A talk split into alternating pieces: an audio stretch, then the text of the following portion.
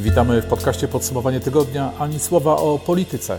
W tym miejscu odsłuchasz archiwalne odcinki Podsumowania Tygodnia pokoju nadawanego na żywo na Twitter Spaces w każdy piątek o 12.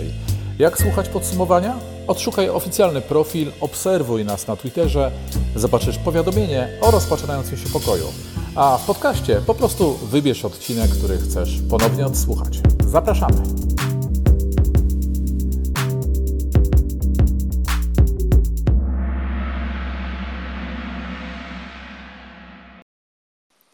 Dzień dobry. Zaczynam wspaniały pokój piątkowy, bo wybiła godzina 12. E, dzisiaj mamy niezłą datę, bo jest piątek 13.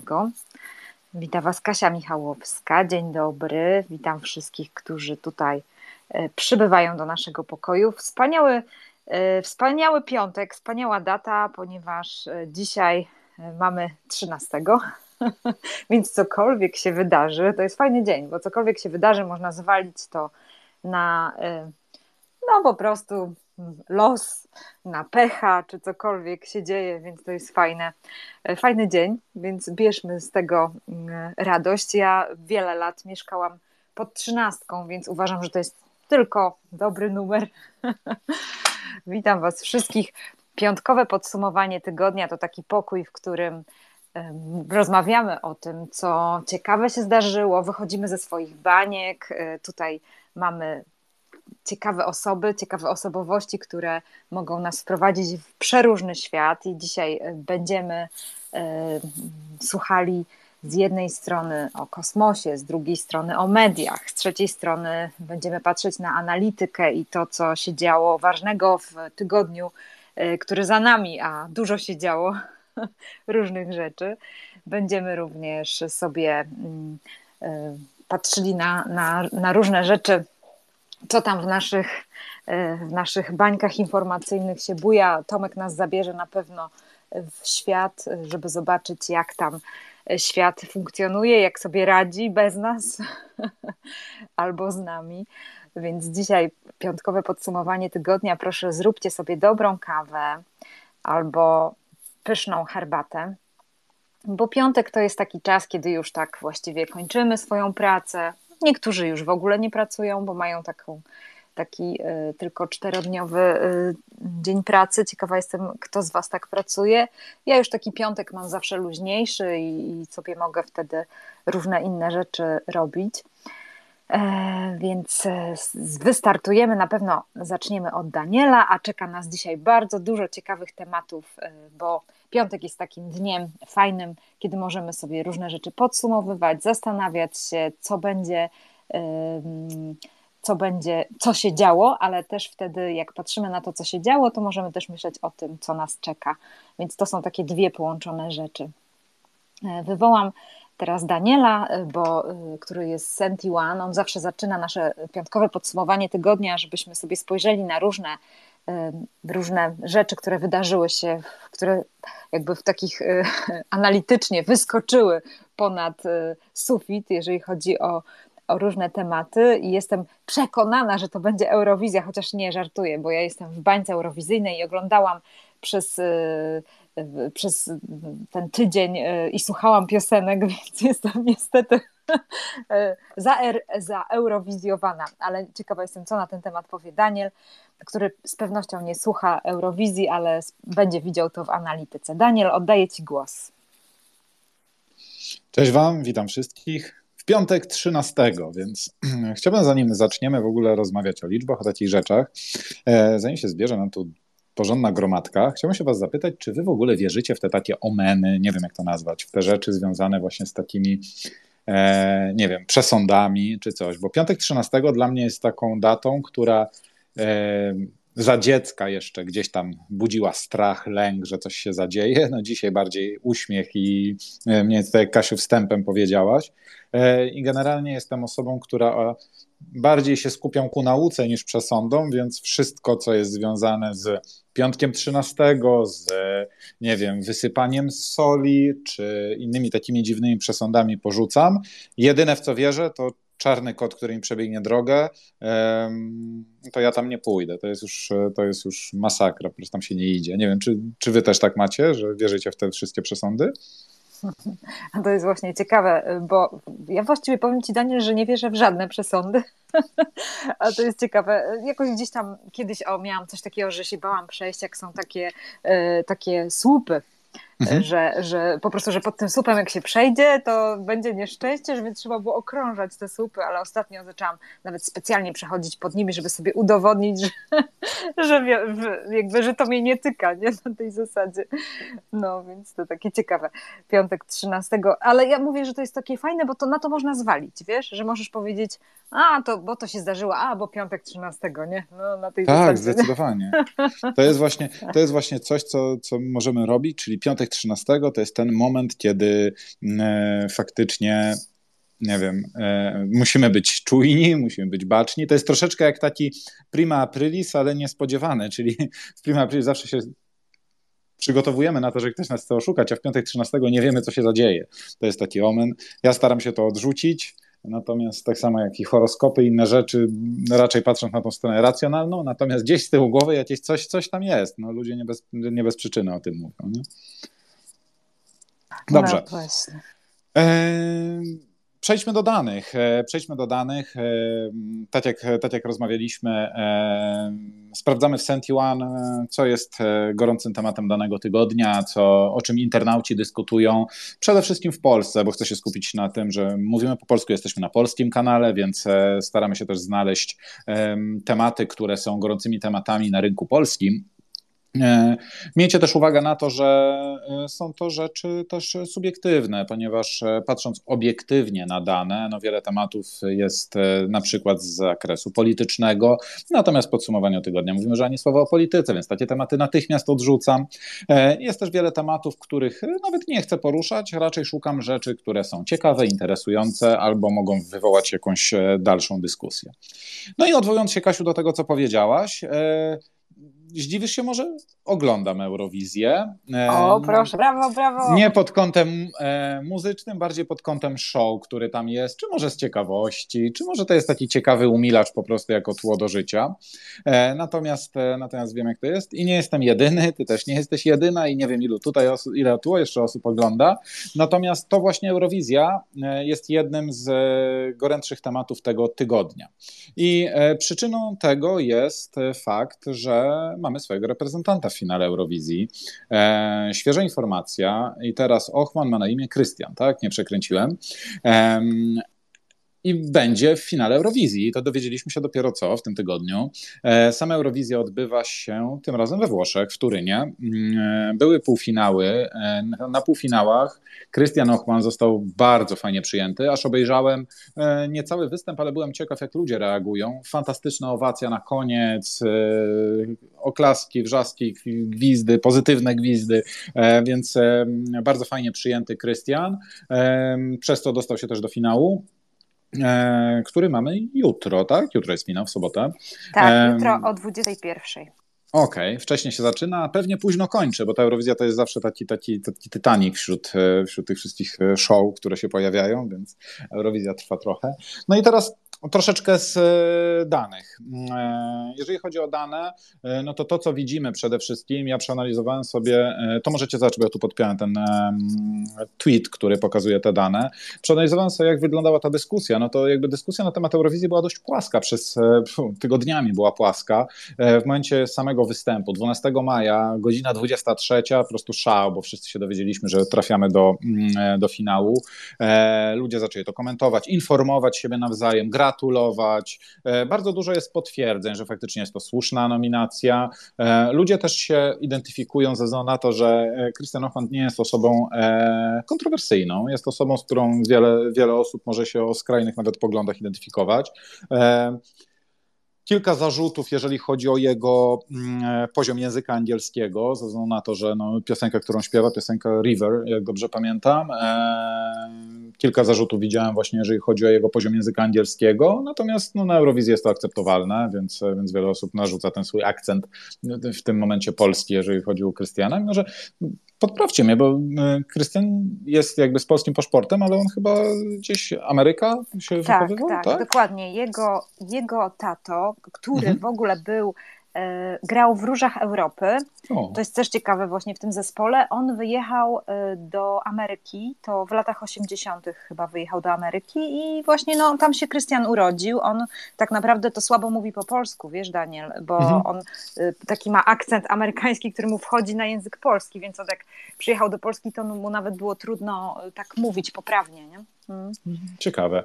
No czyli, czyli, czyli mamy Polaka z Amery przepraszam, Amerykanina z polskim paszportem, chyba to bardziej w tym kierunku można powiedzieć, natomiast reprezentuje Polskę, reprezentują dobrze i e, reprezentują dobrze, więc możemy być dumni z tego. Oczywiście w internecie od razu internauci bardzo fajnie mówią, że pierwsze miejsce na Eurowizji to będzie Krystian Ochman, drugie miejsce Ochman Krystian, a trzecie miejsce będzie to reprezentant Polski, więc e, takie są prognozy, jeżeli chodzi o tegoroczną Eurowizję według internautów. E, my w Sentiwan myślę, że przed przeprowadzimy taką pełną analizę wszystkich finalistów, zobaczyć, czy to, co internauci twierdzą, pokrywa się z faktycznymi wynikami. Nie zawsze się pokrywa, ponieważ jeżeli nie jesteście e, aktywnymi e, oglądaczami, że tak powiem, e, czy fanami Eurowizji, to wiecie, że czasami głos publiczności versus wynik końcowy są bardzo rozbieżne. Eurowizja nadal jest okraszona tym, tym politycznym aspektem i niuansami, czy jakimiś tam niesnaskami albo miłością pomiędzy określonymi krajami więc wiadomo, kto na kogo głosuje i to jest jakby rzecz e, często oczywista. Więc to jest temat pierwszy, który zagrzał w internecie. Jeżeli możemy zobaczyć, to są e, ponad 20 tysięcy wypowiedzi, ponad 25 milionów zasięgów, jeżeli chodzi o to, do, do ilu osób dotarły informacje na temat e, tego, że Krystian się dostał do finału. Cała dyskusja w 300% pozytywna, więc widać ten boom taki bardzo, bardzo pozytywny. Od razu aktywniły się wszystkie portale plotkarskie, Pudelek, Pomponik i te wszystkie takie z fajnymi nazwami oczywiście karmią się tym, że mają kontent do tego i bardzo fajnie, bo akurat ten pozytywny jest e, bardzo fajnie e, czytać. E, no i ciekawa rzecz, że też większość dyskusji jest generowana przez kobiety niż przez mężczyzn, więc, więc to jest tak z twardych danych i tyle. Poczekamy po sobocie, zobaczymy. Może w przyszłym tygodniu będę rozmawiał o tym, że pierwszy raz od 2017 jesteśmy w finale, a może będzie tak, że będę komentował, że pierwszy raz od e, X jesteśmy w, nie wiem, w czołówce, w top 3, a może wygramy Eurowizję, fajnie by było. Tak, jest obstawianie, że będziemy przynajmniej w top 10, bo jest kilka właśnie e, tych, e, jest Szwecja jako no, taka, wiesz, plasowana, że bardzo ładna mhm. piosenka, Wielka Brytania, no między innymi Polska. E, wszyscy mówią, że wygra Ukraina, więc e, tutaj jest, nie mamy szans. Znaczy, to, jest, to jest jakby y, oczywiste z punktu widzenia w ogóle Eurowizji, że wygrywają kraje, w których albo coś się dzieje, albo coś się działo, albo jakoś są ulokowane gdzieś politycznie. To, tego się nie zabierze z Eurowizji, prawda? Niestety. E, bo to nie jest konkurs najładniejszej piosenki, ale jest to konkurs najładniejszej piosenki plus ten cały background polityczno, e, nie wiem, taki organizacyjny, nie wiem jak to nazwać w ogóle, ale, ale generalnie nie chodzi tylko o muzykę. No dobrze, to może zatrzymajmy ten temat e, Eurowizji, przejdźmy e, krok dalej. Krok dalej, co to znaczy? To znaczy, że e, można było przeczytać w tym tygodniu w New York Timesie o tym, że Netflix coś, co plotkował, już staje się faktem, czyli reklamy na Netflixie, które miały być gdzieś w, w dalszej przyszłości, zaczynała być rozmowa o tym. Dzisiaj Netflix bardzo twardo stawia na dwie rzeczy. Jedną rzeczą są właśnie reklamy, czyli wejście tego planu tańszego niż dzisiaj mamy, wejście tańszego planu z e, reklamami, e, co od razu budzi nawet nie tyle oburzenie, co raczej e, cichy chichot wśród internautów, bo na zasadzie okej, okay, zaczynamy, zaczynamy mieć coś zupełnie innego niż platformę, za którą płacę i oglądam, tylko zaczynam mieć, nie wiem, tak naprawdę telewizję, bo niczym to się nie różni w tym momencie od telewizji, że będę miał przerywane filmy reklamami. I to jest e, jeden temat. Drugi temat, no to Netflix e, twardą ręką już będzie walczył z e, podziałem e, kont, czyli jeżeli ja swoje e, dane dostępowe udzielam, nie wiem, dla osób zewsząd, no to już pewnie nie będę mógł. I o ile były plotki, były pogłoski, że może w przyszłym roku, może za dwa lata, może gdzieś tam myślą i tak dalej, no to już są właśnie New York Times opublikował notatki wewnętrzne, gdzie jest to perspektywa kilku miesięcy, więc w tym roku możemy spodziewać się rewolucji na Netflixie. I teraz, background tego jest podwójny, jakby cały mój komentarz do tego jest podwójny. Jeden komentarz to jest taki, że no Netflix już bardziej sobie strzelić w kolano nie może. My chyba tydzień albo dwa tygodnie temu, nie pamiętam dokładnie, ale rozmawialiśmy o Netflixie, który pierwszy raz stracił, jeżeli chodzi o e, liczbę użytkowników. E, natomiast to, co teraz Netflix robi, no to jest jakby chyba jeszcze pogłębienie troszeczkę takiego mm, negatywnego postrzegania tej platformy. E, I to jest jeden mój komentarz. Drugi mój komentarz jest taki, który dostałem tak naprawdę ciekawostkę u nas wewnątrz z firmy, że tak naprawdę, jeżeli spojrzeć szerzej, to Netflix w ten taki mm, dojrzały obszar, czyli, e, czyli no nie wiem, no już ten maturity level, jeżeli chodzi o organizację, no to on już wpadł dawno, bo Netflix już tam był w 2019. I to, co my dzisiaj mamy, czyli jakieś tam spadki na Netflixie, e, to można byłoby, mówię w trybie przypuszczającym, można byłoby zaobserwować w 2019 roku. Natomiast to, co zniszczyło wiele firm albo wstrzymało biznes na całym świecie, czyli pandemia, no to było woda na młyn dla Netflixa, bo Netflix w tym najbardziej dojrzałym momencie, w momencie, gdy już jakby nie było zbyt dużo pomysłów, w tym momencie weszła pandemia, zyskał bardzo dużo, ponieważ zyskał ludzi, którzy siedzą w domach, e, i de facto nie mają co robić, oglądali Netflixa. Tam było bardzo, to był bardzo pozytywny aspekt dla Netflixa, więc jakby ten opóźnienie spadków o 2-3 lata spowodowane pandemią, no jakby jest, jest naturalne dla tej platformy, więc e, to można, to można bardzo dobrze zaobserwować. I trzecim jakby komentarzem do tego, że Netflix jakby walczy w różny sposób, czy dobry, czy zły czas pokaże, no ale jest jeszcze fakt, że na rynku polskim pojawi się zaraz drugi gracz, taki e, dość silny, czyli Disney Plus, o którym mówiliśmy. E, no i to będzie kolejny jakby gwóźdź do trumny Netflixa, albo nie, zobaczymy, bo mm, jak czytałem opinię odnośnie Disney Plus, to o ile jest tam dostęp do tych fajnych rzeczy, czyli Marvela, Star Warsów e, i innych e, produkcji Disneyowych, to de facto jak się to obejrzy w 2, 3, 4 tygodnie, to później już za dużo tam nie ma. E, więc e, ogólna percepcja internautów na temat Netflixa, czy w ogóle platform streamingowych jest taka, że jeżeli ktoś jest heavy userem, to dość szybko to obejrzy i czekanie na kolejne odcinki, czy czekanie na kolejne filmy, które się tam pojawiają, jest dość nużące. Więc, e, więc to, jest, e, to jest drugi temat, o którym chciałem powiedzieć. Nie wiem, czy ktoś może ma jakiś komentarz albo coś do dodania, jeżeli chodzi o samego Netflixa czy platformy streamingowe. Czy lecimy dalej? Chyba lecimy dalej, ale faktycznie widziałam bardzo takie negatywne, y, że tak powiem, wydźwięk, jeżeli chodzi o Twittera w mojej bańce. To tak nie za bardzo jest. wyglądało. Ludzie lubią narzekać, a dajemy im tak. powód. Znaczy Netflix tak. daje im powód, no prawda? No tak, Bo to tak. jest, to jest ten. Mhm. Więc zawsze, zawsze sobie można gdzieś swoją opinię rzucić, prawda? Więc y, dla mnie to jest po prostu sprawa taka, że jeżeli mogę płacić mniej i mieć reklamę, mogę to wybrać. Jeżeli jestem, nie wiem, milionerem i mogę płacić zdziepko więcej, to mogę mieć bez reklam. Jakby to bardziej traktuję jako danie wyboru niż, niż obowiązek. Wcale nie muszę płacić za najtańszy pakiet, czy tam jak, jak to się będzie nazywało, prawda? Dobrze, e, koniec z Netflixem, start, oj, przepraszam, odwrotnie, też koniec z iPodem. E, to może być właśnie. ciekawe, tak. zobaczymy. Dobrze, że to mamy, będziemy mieli to nagrane i później to będziemy odtwarzać. No, słuchajcie, e, Apple powiedział, że już nie będzie iPoda. Tyle, co zrobili, to zrobili. 20 lat iPoda na rynku, przeniesienie muzyki w małe pudełeczko, które mieliśmy w kieszeni. E, ja już byłem przyzwyczajony do małych pudełeczek, w postaci Walkmanów, Discmanów, czy typowych starych, jakichś tam fajnych takich MP3, nie wiem, pewnie każdy swoją MP3 miał. E, natomiast no, iPod z wielką rewolucją rynkową e, przez 20 lat tak naprawdę e, niósł muzykę ludziom z całego świata. Apple powiedziało, dobra, koniec z iPodem. No i od razu widać, widać reakcję internautów. Wiele osób robi retro, czyli jakiego mieli pierwszego iPoda, jakiej tam muzyki słuchali, są oczywiście screenshoty z tego, że e, jakie tam piosenki były właśnie jeszcze tam, nie wiem, 15-20 lat temu, w momencie, gdy iPod wchodził, e, można trochę wrócić do tej muzyki sprzed lat, że tak powiem. E, no, informacja jest na tyle, na tyle ciekawa, że jakby Apple chce mm, w dość e, taki gładki sposób powiedzieć, że duch iPoda będzie żył z nami w innych urządzeniach, więc jakby tak, żeby jeszcze, żeby jeszcze przedłużyć jego, jego istnienie. Natomiast jest to świeża informacja, informacja z tego tygodnia też szeroko komentowana przez internautów, więc to była taka dla mnie e, wisienka na torcie, jeżeli chodzi o dzisiejsze podsumowanie, więc to, co według nas, według Sentiwan było ciekawe i poruszone przez internautów, no to w ramach podsumowania raz Eurowizja i Christian Ochman, który życzę mu wygranej w sobotę. Drugi temat Netflix, który no, z kontrowersyjnymi według internautów e, e, ruchami wchodzi na, mm, w drugą połowę roku. I trzy, koniec z iPodem. Szczerze, nigdy nie miałem, ale y, szkoda w sumie, bo to fajne urządzonko było. Więc to są trzy tematy na ten tydzień. E, nie wiem, oddaję głos do studia. Dziękuję.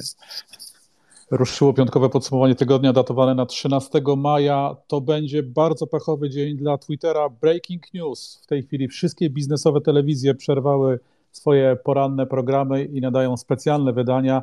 Twitter deal on hold. Elon Musk napisał kilkanaście minut temu, że cała transakcja przyjęcia Twittera jest tymczasowo zawieszona i to się w tej chwili bardzo mocno zaczęło grzać we wszystkich mediach społecznościowych.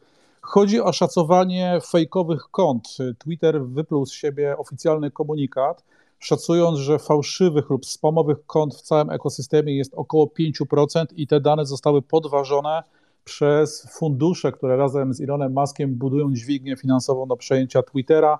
To liczenie odbędzie się raz jeszcze, jeśli te dane są już na tym etapie prawdziwe to nawet jeśli jest to tylko 5%, to oznacza też wprowadzanie w błąd, robienie w konia i to ostro tych reklamodawców, którzy puszczają kampanię i w ekosystemie, systemie reklamowym Twittera targetują te reklamy do kont, które są fejkowe i są ślepe.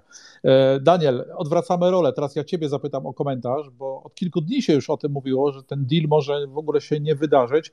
No i teraz mamy nowego grilla w piątek 13. Ja w tej chwili patrzę na CNBC Business. Na tym kanale podawane są notowania. Twitter w tej chwili traci na giełdzie już 20%. Te akcje runęły po prostu około 20 minut temu. Reuters, Bloomberg, wszyscy cytują tego tweeta Ilona Maska. Zagotowało się. Co ty na to? Znaczy, to jest wyrachowana gra też z drugiej strony. Janusz, zwróć uwagę na to, że mm, w momencie, gdy rozmawiamy o Elonie Masku, on doskonale wie, co się robi. Zaniżenie wartości firmy, którą się kupuje, jest genialnym ruchem za każdym razem, jeżeli się podchodzi do zakupu takich, e, takich firm. E, każdy ruch, który pozwala na to, czyli dzisiaj znaleźli e, możliwość podważenia wartości firmy takim sposobem, a nie innym. Jakby tego typu ruchy pojawiają się na rynku. Bardzo fajnie to zrobili E, ze względu na to, że zrobili to przed weekendem, czyli, e, czyli tak naprawdę zagrzeje to przez cały weekend. Nie da, nie da się szybko tego załatać, bo dopiero załatane zostanie w poniedziałek, jeżeli faktycznie będzie jakiś respons ze strony, e, ze strony samego Twittera, więc to będzie fajna grzałka dzisiaj, to będzie fajna grzałka dla wszystkich portali newsowych przez cały weekend. To mogą być wypowiedzi i deklaracje. Jakby dla mnie to nie jest zaskoczeniem, że zadziało się coś, prawda? Czyli, czyli akurat e, to, że coś by się zadziało. Dzisiaj się przyczepi, mogli się równie dobrze przyczepi, przy, przyczepić do jakiegoś algorytmu, równie dobrze do bezpieczeństwa danych, do polityki i tak dalej, i tak. To jest jakby ruch, który którego się spodziewałem, nie wiedziałem jaki będzie. Ten ruch akurat e, wyszedł w tą stronę, no i tak jak mówisz, akcje lecą w dół, no to tylko dobrze dla kupujących, prawda? E, słabo dla sprzedających. No i to, to tego typu mój komentarz jest. Traktuję to jako naturalne e, w biznesie, tym twardym, nie? Okej, okay, na chłodno analitycznie. Fajnie, wylałeś szklankę zimnej wody na nasze rozgrzane głowy. Transakcja przejęcia Twittera chwilowo zawieszona to jest informacja dosłownie z ostatniej chwili. E, ale to też jest dobry moment, żeby przypomnieć, że podsumowanie tygodnia piątkowe nie jest prowadzone przez fake konta. Tutaj są prawdziwi ludzie, żywi i empatyczni i też takich widzimy w naszej publiczności, więc zrobimy mały test tej empatii. Poprosimy o sympatycznego retweeta, że jesteście teraz w podsumowaniu tygodnia, słuchacie tego pokoju i jak zawsze dzięki Tobie ktoś może namierzyć w tym gąszczu tweetów e, taki pokój i może pierwszy raz posłucha tego, co się działo w ostatnich dniach. E, motto tego pokoju to są tematy niedoświetlone przez klasyczne media, tematy, które zostały pominięte przez duże newsroomy, które się nie wypchnęły na paski, jakoś chyba mają ciche dni z algorytmami, Nas te tematy bardzo kręcą i ich będzie całkiem sporo do 14, a może nawet e, ciut dłużej. Za nami Senti One. Na oficjalnym profilu podsumowania tygodnia znajdziecie już hot topiki ostatnich dni, uzupełnione o tę informację z ostatniej chwili o tymczasowym zawieszeniu transakcji Twittera. Zostańmy w tym świecie, gdzie jest dużo mediów, dużo algorytmów, dużo tych interakcji opartych o technologię. E, w podsumowaniu tygodnia teraz komentarz i newsy od Krzysztofa Komara. Krzysztof, witam cię serdecznie. E, dzień dobry, witam wszystkich, dziękuję bardzo. Ja bym dodał tylko jedno zdanie do, do, do, do, do ciebie i do Daniela w sprawie Twittera, że oczywiście, że tak jest, że, że odbywa się wyrachowana gra i, i i zaniżanie wartości firmy, którą chce się kupić, jest tutaj logicznym elementem tych, tych szachów i tego wyrachowania. Natomiast no, ono, jeżeli jest bezzasadne, to ono się musi zderzyć z pozwem sądowym udziałowców, e, którzy to potraktują jako i, to, i na to też reaguje Komisja Papierów Wartościowych amerykańska, jeżeli w bezzasadny sposób podważa się, doprowadza się do zaniżenia wartości firmy, to ma, to ma to swoje konsekwencje. Więc bardzo jest ciekawe, jak to e, będzie wyglądało, na ile tam jakieś są te co też jest oczywiście nielegalne, jakiś udział insiderów z Twittera. E, no, będzie to niewątpliwie ciekawe do, do, do obserwacji. No i, i, ja z innego świata w związku z tym mm, chciałbym coś opowiedzieć. I jeszcze chyba dwa czy trzy tygodnie temu e, wydaje mi się, wspomniałem o tym, że nie, tu jest wojna na Ukrainie i tyle się rzeczy dzieje różnych. W związku z tym ja nie będę w tym roku opowiadał o dorocznej wielkiej gali Metropolitan Museum of Art, e, która jest bardzo ciekawa jako wielkie wydarzenie popkulturowe ale tymczasem kilka dni temu wyszła biografia głównej organizatorki tego, tej, tej gali, czyli Ann Wintour, od wielu lat naczelnej Woga. E, biografia ma tytuł Anna, The Biography.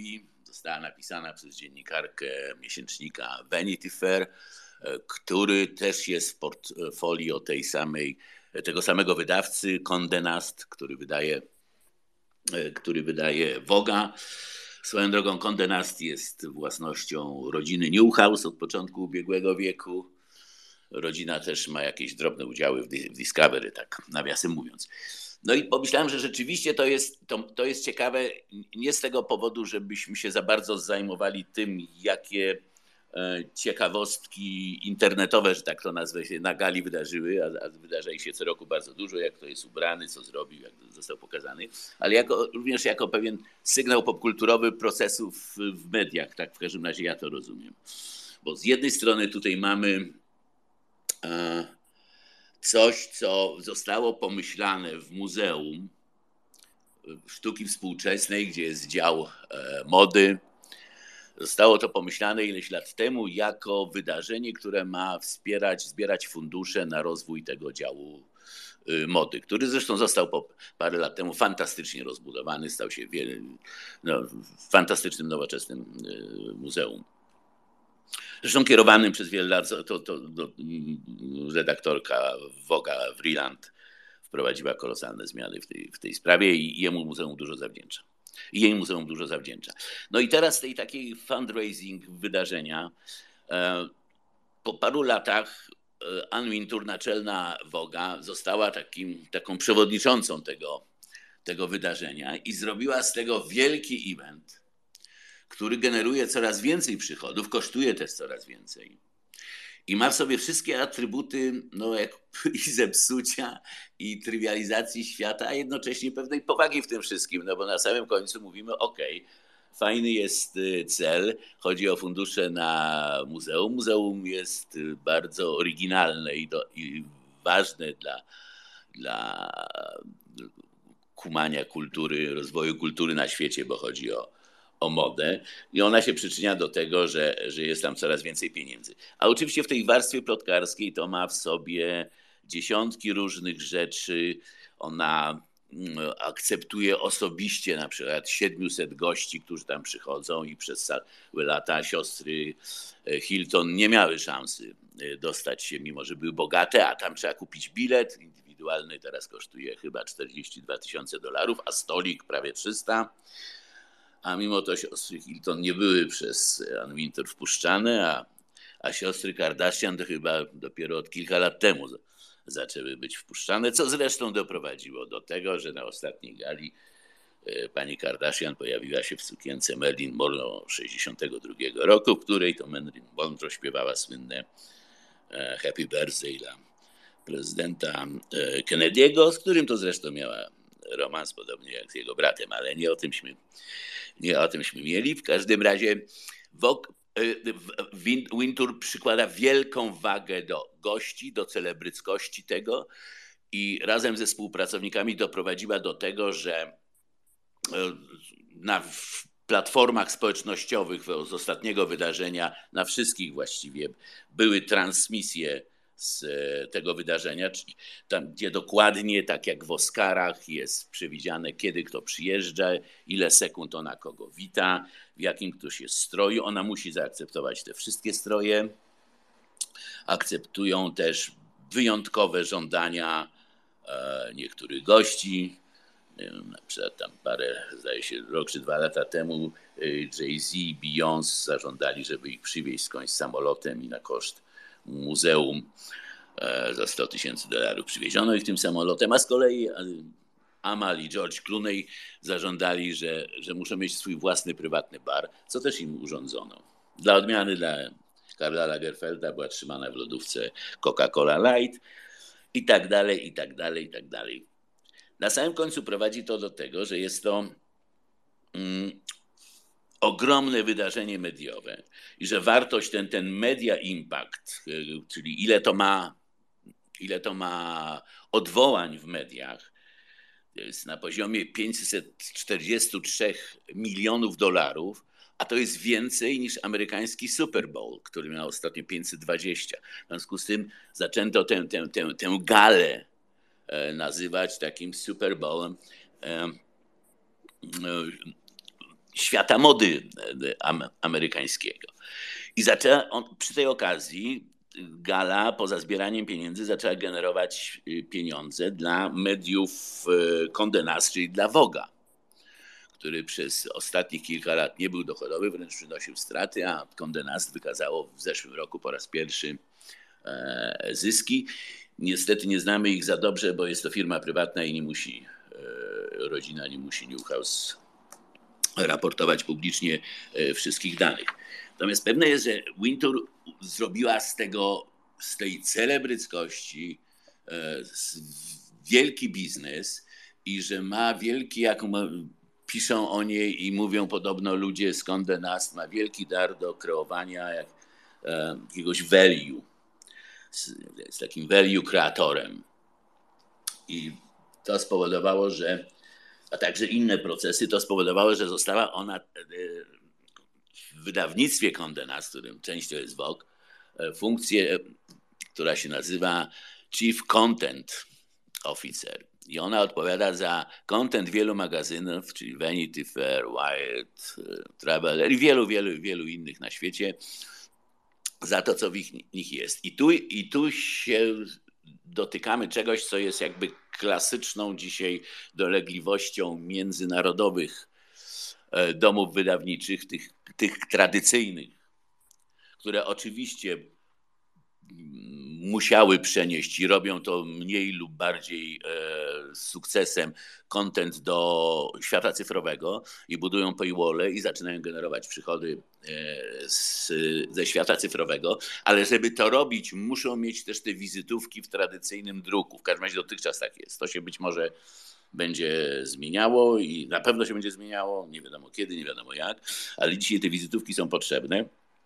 I tutaj międzynarodowe wydawnictwa są między y, potrzebą oszczędzania w skali międzynarodowej kosztów i w związku z tym wprowadzają osobę odpowiedzialną za kontent na całym świecie i zmierzają, jak zapowiadają, do tego, że ten kontent będzie szerowany, że nie ma sensu wydawać pieniądze, pieniędzy na produkcję wszędzie, od Korei, gdzie jest edycja Woga, po, po, po, po Brazylię, tylko znaczna część jednej produkcji będzie szerowana. To z kolei stoi w sprzecznością z zapowiedzią różnych y, naturalnie ambitnych redaktorów naczelnych Wogów na całym świecie, że obecność Woga w Tajlandii, w Korei, w innych krajach pozwoli na globalne zaistnienie lokalnych y, twórców mody, co też jest dosyć ważne. I jest również ważne no, w sensie takim, y, powiedzmy, no, filozoficzno-antropologicznym. Fajnie jest, żeby w świecie globalnym y, nie dominowała tylko moda z jednego czy, czy, czy z dwóch krajów. Ale to z kolei stoi, ta potrzeba budowania lokalnego kontentu, stoi w sprzecznością z, z no, potrzebą ograniczania kosztów i, i, i szerowania e, kontentu. Mm, więc w tym sensie oddaję to mm, cały, jeden z istotniejszych problemów e, globalnych mediów i dlatego wydaje mi się, że jako wydarzenie e, popkulturowe z taką siłą w mediach społecznościowych warte jest wspomnienia, mimo tego, że świat jest urządzony dookoła nie najlepiej i dzieją się różne E, inne niedobre rzeczy, ale to ma wielki swój wymiar w mediach. I dodam tylko, że jeszcze, że Ann Wintour ma już 72 lata, a jak zaczynała pracę, w, bo pochodzi z, z Wielkiej Brytanii, jak zaczynała pracę, była ekspedientką w takim sklepie, tu mi się otworzył ten, zapadka mi się w głowie otworzyła i sobie przypomniałem, że pracowała e, w sklepie bardzo ważnym w latach 60. modowym w Londynie, który się nazywał Biba i został wymyślony i prowadzony przez Barbarę Hulanicki, polskiego pochodzenia, córkę polskiego dyplomaty, która odegrała wielką rolę w rozwoju mody w lat 60. W, w, w Londynie i tam pierwsze kroki stawiała Ann Wintour, dzisiaj 72-letnia. To mm, tyle, dziękuję. Dziękuję przede wszystkim wszystkim tym, którzy podali dalej nasz pokój i widzimy to, bo daliście też hashtaga podsumowanie tygodnia, piątkowe podsumowanie tygodnia idzie swoją drogą. Dziękuję Ci Krzysztof za te Twoje spojrzenie z innej strony. Za każdym razem mnie inspirujesz i myślę sobie, kurczę, no tutaj gdzieś jeszcze jakby nie moja, nie, nie, jestem w tej bańce, ale to jest ciekawe, bo tam jest kilka takich właśnie fajnych dylematów społecznych, dylematów moralnych, kiedy się weźmie pod uwagę inne rzeczy. Wspomniałeś, y, byłam trochę przerażona tą sukienką założoną, y, no to jest eksponat muzealny, który został założony na galę i no niestety to nie był moim zdaniem dobry pomysł, ryzykowne, bo sukienka mogła ulec, no, no po prostu się zniszczyć zwyczajnie, no nie wiem, ktoś mógł ją zalać szampanem albo jakoś tam szturchnąć czy cokolwiek. Ale to jest ciekawe, bo mm, od razu jakby płynnie chciałam przejść do, te, do tego, żeby Wam przypomnieć, że Y, no zaraz, właściwie już dzisiejszej nocy nadchodzi Noc Muzeów. To jest taki, taki czas, kiedy można sobie wejść do różnych muzeów za darmo i jest to taki, wiecie, spęd y, ludzi. Można, znaczy to w moim odczuciu, w moim świecie tak to odbieram. Ciekawa jestem, czy wy w ogóle korzystacie z Nocy Muzeów i czy lubicie lubicie tą noc muzeów, żeby pochodzić jakoś w inny sposób, trochę w grupie, w nocy, zobaczyć coś innego, ale powiem Wam tylko, że już noc, noc muzeum zaczyna się w Krakowie od dzisiaj. Kraków chciał być pierwszy i naprawdę wiele atrakcji czeka. To jest fajne, że w ogóle to się tak rozkręciło, bo wiem, że w Europie to już ta noc muzeów to taka, taka norma, że coś takiego się działo u nas w Polsce, no teraz po pandemii, wydaje mi chociaż wiem, że muzea też starały się w czasie pandemii, robiły różne wystawy online i bardzo dużą kreatywnością się e, wykazały, ale no, to jest fajne, bo już no, hmm, pandemia się skończyła, więc wszystkie muzea się otwierają. No i ciekawa jestem, czy będzie dużo ludzi, czy, czy po prostu y, tam w niektórych miejscach kosztuje symboliczną złotówkę, czasami w niektórych miejscach jest coś za darmo, niektóre miejsca biorą normalną opłatę, to trzeba zawsze sobie sprawdzać, jeżeli chcecie gdzieś iść, ale na pewno będzie dużo atrakcji, dużo sympatycznych rzeczy w Warszawie, w Trójmieście. Patrzyłam bardzo dużo fajnych miejsc i, i Spichlerz, y, Błękitny Baranek i Muzeum Archeologiczne, więc y, fajna sprawa. Wrocław, y, więc super skorzystać z, z Nocy Muzeów. Jestem od razu ciekawa, czy w Niemczech jest to takie rozpropagowane, więc Anię tutaj będę wywoływać, czy, czy w Niemczech jest rozkręcony Noc Muzeów e, i czy coś się dzieje. E, a jeszcze póki Ania nam nie wyszła na scenę, to e, jak tam u Was, Daniel, Janusz, Krzysztof, Wy idziecie na Noc Muzeów, czy nie za bardzo? Dajcie chociaż mi jedno zdanko. No, słuchaj, no ja niestety jadę w góry. Aha. Dokładnie w Góry Sokole, dziś wcześniej jutro rano jadę pod Jelenią Górą, więc i spędzę tam kilka dni, bo Fajnie, bardzo zazdroszczę. mojej młodości. Natomiast dodałbym do tego, że to, to jest fantastyczna impreza. Natomiast ja, ja mam nadzieję, że że muzea zaczną w Polsce szybszym krokiem zmierzać do tego, co się dzieje na świecie z muzeami. Mm-hmm. Bo, bo, bo, bo no, ewidentnie skończył się ten, ten, że tak to ujmę, geriatryczny e, model muzeów, tylko całe nowe technologie cyfrowe pozwalają na budowanie tej VR-u w muzeach i robienie czegoś niesamowitej przestrzeni bardzo edukacyjnej. We Wrocławiu polecam jest takie e, Muzeum Wody Hydropolis które jest krokiem w tą stronę. Jeżeli ktoś by z Was był, to polecam. Po prostu jest to muzeum o wodzie, ale ma bardzo dużo takich rozwiązań e, współczesnych i liczę na to, że będzie, że będzie ich więcej. To są ogromne możliwości edukacyjne. To prawda, to się zgadza. O, widzę tutaj Janusz i Daniel. No dobra, Janusz, powiedz, co tam u Ciebie? Idziesz na noc muzeum, będziesz chodził po nocy, stał w kolejkach, y, ocierał się o ludzi? Będę się ocierał o ekrany, bo Noc Muzeum ma też wymiar cyfrowy. To takie nawiązanie do tego, o czym mówił Krzysztof Komar, bo wiele muzeów e, na świecie organizuje taką cyfrową edycję, wychodząc naprzeciw tym oczekiwaniom użytkowników kultury, uczestników kultury, którzy nie muszą fizycznie być obecni, a też uczestniczyć w kulturze. To jest taki nowy, nowy trend. I tutaj też chcę też wspomnieć, bo przy okazji Nocy Muzeów za moment chyba pojawi się doroczny ranking muzeów w Europie z największą frekwencją i w ciemno obstawiam, że przynajmniej trzy miejsca będą miały muzea stworzone wokół kultu klubów sportowych. Barcelona ze swoim bardzo hipernowoczesnym muzeum plasowała się w ostatnich latach w top 3. Więc też zwróćmy na to, że mówiąc o muzeach, my oczywiście sobie wizualizujemy nasze doświadczenia z dzieciństwa, że tam musi jakiś rycerz być, kusza i polanie, a tymczasem muzea mają też taki bardzo nowoczesny, prawie teraźniejszy wymiar. To, to tylko tyle, dzięki. Mhm. Daniel? Ja z mojej strony powiem, że byłem na pierwszej nocy muzeum, muzeów, tak to się odmienia? E, byłem na pierwszej nocy, na takim evencie, że tak powiem już bezpiecznie.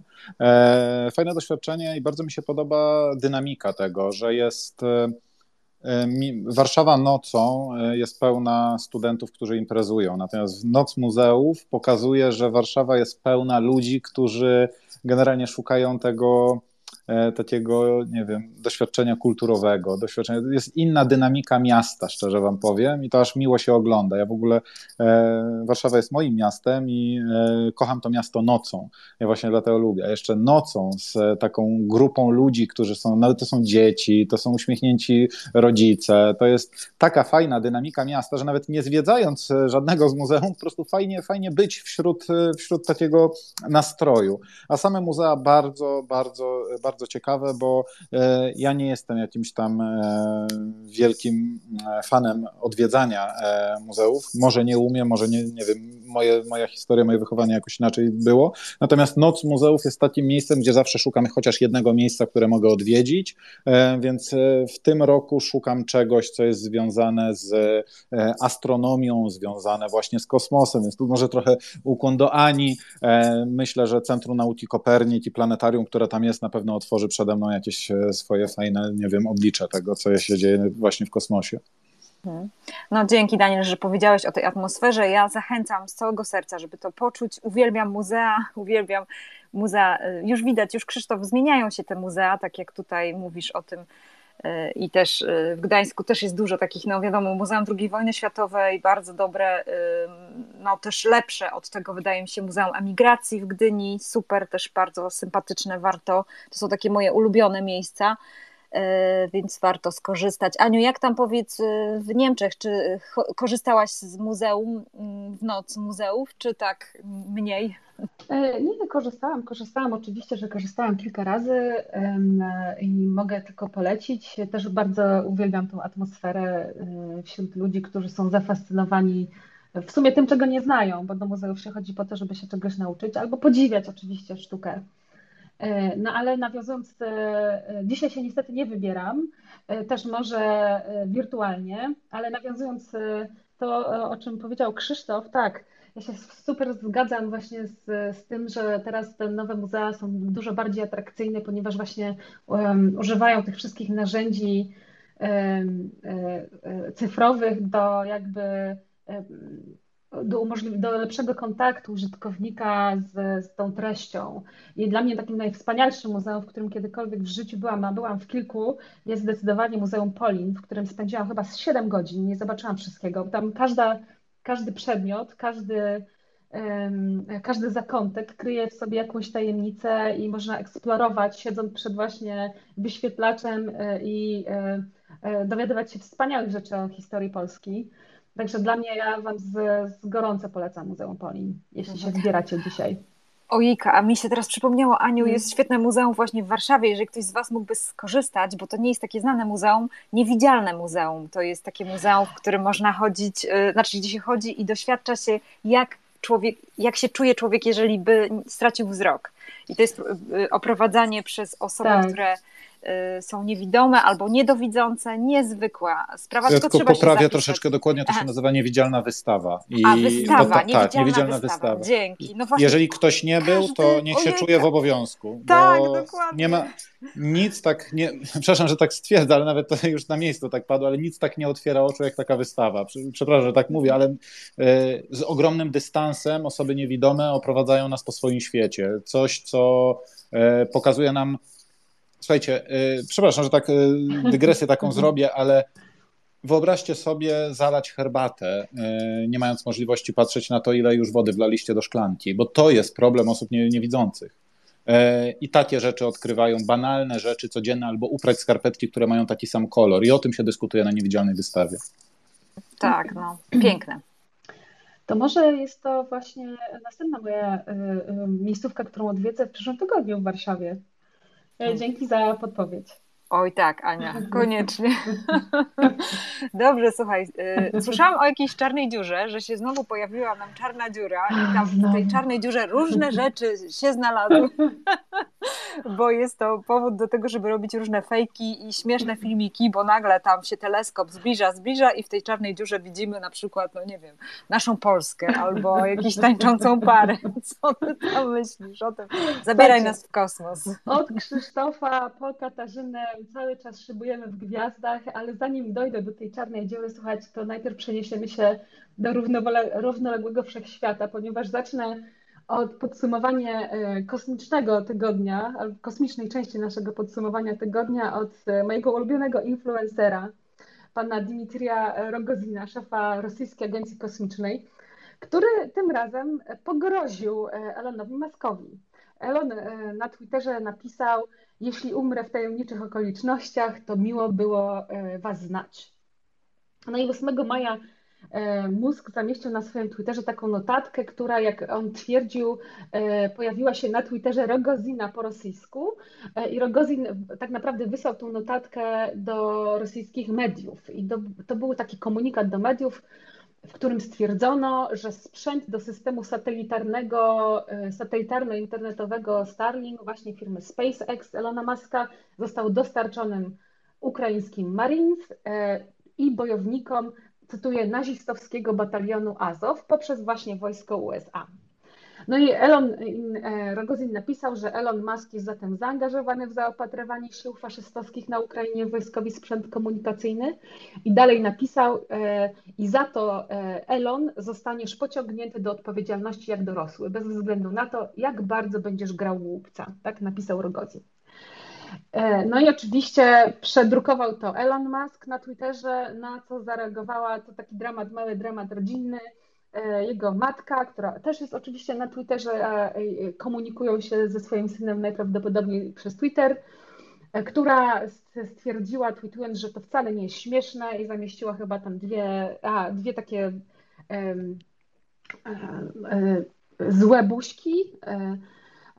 I oczywiście mózg na to odpowiedział, że przeprasza i zrobi wszystko, aby zostać przy życiu. Także taka mała wymiana zdań pomiędzy tą trójką. No ale oczywiście nie wydaje się, aby mózg był bardzo zaniepokojony e, takim swoim bezpieczeństwem ze strony e, pana Rogozina, co oczywiście nie jest zaskakujące, biorąc pod uwagę też to, że jak już wielokrotnie tutaj cytowałam, że Rogozin ma tę tendencję do takiego krzykliwego, obraźliwego, hiperboli, hiperbe, hiperbolicznego języka. I Na przykład szef, szef tego Roskosmosu wielokrotnie sugerował, że Rosja może opuścić program Międzynarodowej Stacji Kosmicznej, jeśli sankcje nałożone w następstwie inwazji rosyjskiej na Ukrainę, oczywiście inwazja rosyjska na Ukrainę nie została wymieniona w takim znaczeniu przez Rogozina, jest to jakby moja narracja, nie zostaną zniesione. E, no i oczywiście tak zdarzyło się niedawno, ponieważ Rogozin po raz kolejny zagroził wycofaniem swojego e, wielkiego narodu z programu Międzynarodowej Stacji Kosmicznej. E, taka informacja pojawiła się w mediach i to nie jednych, zarówno w Europie, jak i w Rosji w zeszłym tygodniu i też w zeszłym weekendzie opierając się właśnie na wywiadzie, którego Rogozin udzielił tele, rosyjskiej telewizji państwowej. E, Inna powiedział, że ta decyzja została już podjęta, nie jesteśmy zobowiązani do mówienia o tym publicznie, tak, tak powiedział. E, I e, dodał, że może powiedzieć tylko jedno, że zgodnie z zobowiązaniami Rosji, Rosji państwo rosyjskie poinformuje ich, jego partnerów o zakończeniu naszych tych prac z, na ISS z rocznym wyprzedzeniem.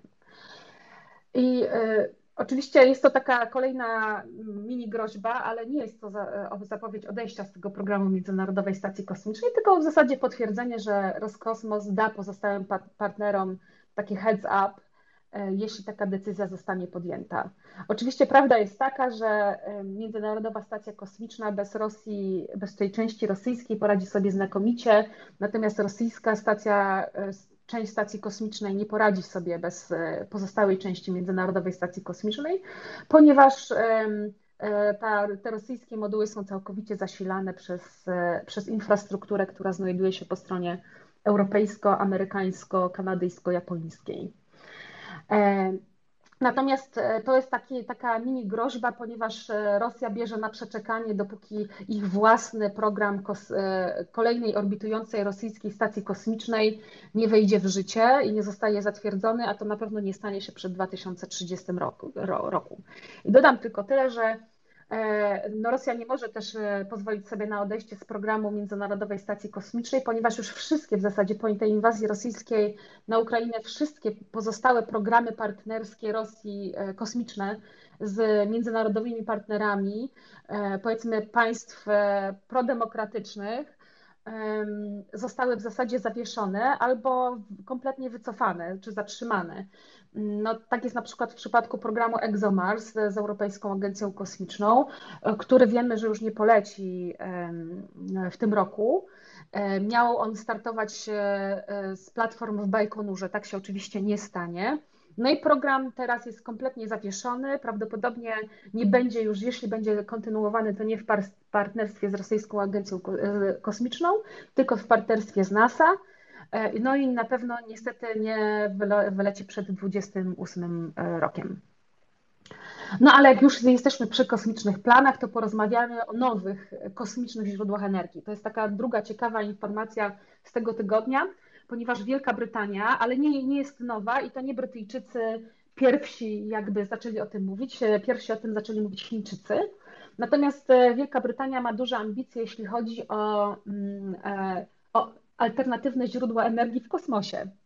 Ponieważ e, e, Wielka Brytania do 2035 roku chce zbudować elektrownię słoneczną na orbicie.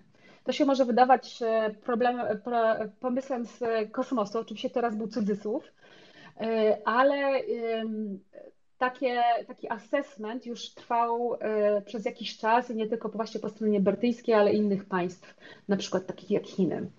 Chodzi o to, żeby chodzi o przesyłanie energii słonecznej zbieranej w kosmosie i przesyłanie jej dalej na Ziemię. I Wielka Brytania uważa, że może mieć taki demonstrator technologiczny na orbicie już e, do 2035 roku.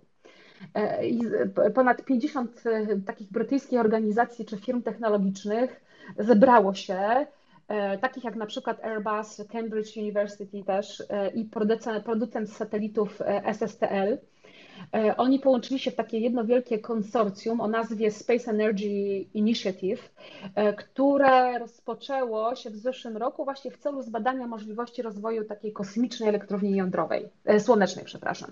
I to konsorcjum uważa, że wysłanie energii elektrycznej z kosmosu za pomocą przy, z pomocą Słońca, jeśli można tak powiedzieć, ma pomóc Wielkiej Brytanii osiągnąć tej, ten cel zerowej emisji gazów cieplarnianych do 50 roku tego wieku. I uważa się, że ta cała technologia wymagana do opracowania takiej kosmicznej elektrowni słonecznej już istnieje. Natomiast wyzwaniem zdecydowanym jest właśnie zakres i wielkość takiego projektu. E, wykonano takie studium wykonalności w zeszłym roku, e, które wykazało, że jest to technicznie wykonalne i nie wymaga w zasadzie żadnych przełomów, jeśli chodzi o nie wiem, poznanie praw fizyki czy no, wynalezienie nowych materiałów lub komponentów technologicznych. E, I w tym konsorcjum, w tym planie ustanowiono taki 12-letni plan rozwoju, w którym ta technologia w postaci tej demonstracyjnej elektrowni będzie zamontowana na, przez roboty na orbicie. I y, oszacowano, że ta, dzięki tej technologii można wysyłać wręcz gigawaty mocy z kosmosu na Ziemię właśnie już w tym 1935 roku. E, ta infrastruktura umieszczona na orbicie stacjonarnej y, będzie zbierała energię za, za pośrednictwem takich dużych, lekkich luster. No i dalej będzie następowało koncentrowanie tej optyki na ogniwach fotowoltaicznych E, tak dokładnie tak, jak robimy to na Ziemię. I te panele będą wytwarzały energię elektryczną, która będzie następnie e, przekształcana w mikrofale i te mikrofale za pomocą półprzewodnikowych wzmacniaczy o częstotliwości radiowej będą, te, dzięki temu energia będzie przesyłana w, tak, w takiej spójnej wiązce mikrofalowej na Ziemię. No i w porównaniu z takim panelem słonecznym e, umieszczonym na Ziemi, E, identyczny panel w kosmosie zbierałby, e, szacuje się, ponad 13 razy więcej energii, no ze względu na to, że nie będzie od jakby tej energii słonecznej nie będzie dzielącej e, warstwy atmosferycznej, która oczywiście blokuje pewną część tej energii. I taka kosmiczna elektrownia też nie ucierpiałaby z powodu takich problemów, które mamy na Ziemi, z takiego problemu nieciągłości w dostarczaniu energii, ponieważ E, no, na Ziemi słońce nie zawsze świeci na naszej planecie, w tym sensie, że właśnie jak są chmury, to ta energia nie dociera do Ziemi. No i też wiatr nie wieje cały czas. E, e, I oznacza to, że muszą istnieć, trzeba szukać alternatywnych generatorów energii elektrycznej lub akumulatorów, a ten problem też jeszcze istnieje. Nie ma takich wydajnych mm, systemów do, do przechowywania energii. E, Brytyjczycy chcą pokryć ponad 40% swojego zapotrzebowania na energię odnawialną e, właśnie za pomocą tej technologii. E, no ale to zapotrzebowanie szacuje się, że ma się potroić wręcz w, w, tych, w ciągu najbliższych dekad. Więc, ta, więc żeby, zaspokoić takie zapotrzebowanie, rodzaj tej technologii odnawialnej, który obecnie wnosi największy wkład w ten miks energetyczny, wymagałby mm, na przykład w przypadku energii wiatrowej e, takich pas turbin o, szeroko, o szerokości 10 km wokół całego wybrzeża Wielkiej Brytanii. I oczywiście e, no, technologicznie jest to ciężkie do, e, do utrzymania i do zrobienia. I właśnie, aby odbierać taką energię z kosmosu, system potrzebowałby gigantycznej takiej anteny naziemnej, odbierałaby ona promieniowanie mikrofalowe e, to, to wysyłane z kosmosu i przekształcałaby je w prąd, który używany właśnie jest do transmisji takich wysokiego napięcia. I taka antena, e, byłaby to taka duża, otwarta sieć z małymi antenami, miałaby rozmiar od 7 do 13 kilometrów, a więc to, to cały czas dużo, ale zdecydowanie mniej niż wymagałoby to do zbudowania właśnie takich turbin wiatrowych. I oczywiście, mm, mówiąc o tej technologii, zupełnie innym problemem e, i cały czas nierozwiązanym jest recykling takich paneli, ponieważ one mają swój okres życia i e, jakby usunięcie takich e, bezpiecznie takich olbrzymich paneli z, mm, z orbity no, wymaga na pewno nie lada zadania i to są technologie, których jeszcze nie posiadamy, ale nad którym się intensywnie pracuje. No dobra, ale już jak jesteśmy już przy, przy Ziemi, no to trzeba wspomnieć, że w zeszłym tygodniu, już nawiązując do załogowych lotów, wylądował Matthias Maurer w nocy z, z piątku na sobotę w zeszłym tygodniu. Wylądował szczęśliwie. Matthias Maurer, astronauta Europejskiej Agencji Kosmicznej, na swojej pierwszej sześciomiesięcznej misji. Matthias czuje się dobrze. Teraz to, co się dzieje zaraz po misji w przypadku takiej, takiej osoby, to jest duży taki codzienny w zasadzie assessment medyczny, rehabilitacja, a w zasadzie coś, co nazywa się reconditioning, czyli jakby przyzwyczajenie swojego ciała do, ponownie do wektora grawitacji. Oraz no, Matias przechodzi w zasadzie codziennie godziny badań naukowych, ponieważ naukowcy, którzy, mm, którzy zbierali dane z fizjologiczne od Matiasa podczas e, misji, podczas pobycia w stanie mikrograwitacji, no muszą zbierać jeszcze te dane e, w stanie grawitacji, e, więc to się odbywa teraz, więc jego grafik jest zapełniony i, i takie badania intensywnie działają. No ale w tym samym czasie na Międzynarodowej Stacji Kosmicznej przybywa inna europejska astronautka, Samantha Cristoforati. Uwaga, temat tygodnia ona wysłała po raz pierwszy z kosmosu e, post na TikToku. Nie wiem, czy się na TikToku się robi posty, ale przepraszam wszystkich użytkowników TikToka, ponieważ nie jestem użytkowniczką, użytkowniczką TikToka, no ale to był pierwszy TikTok z kosmosu przez Samantę Cristoforetti, więc tych e, użytkowników, którzy akurat są na TikToku, zachęcam do śledzenia e, Samanty Cristoforetti, jedyny, jedynej kobiety, europejskiej astronautki e, właśnie przebywającej obecnie na swojej drugiej misji na Międzynarodowej Stacji Kosmicznej. No i wracam do... Daniel, masz pytanie?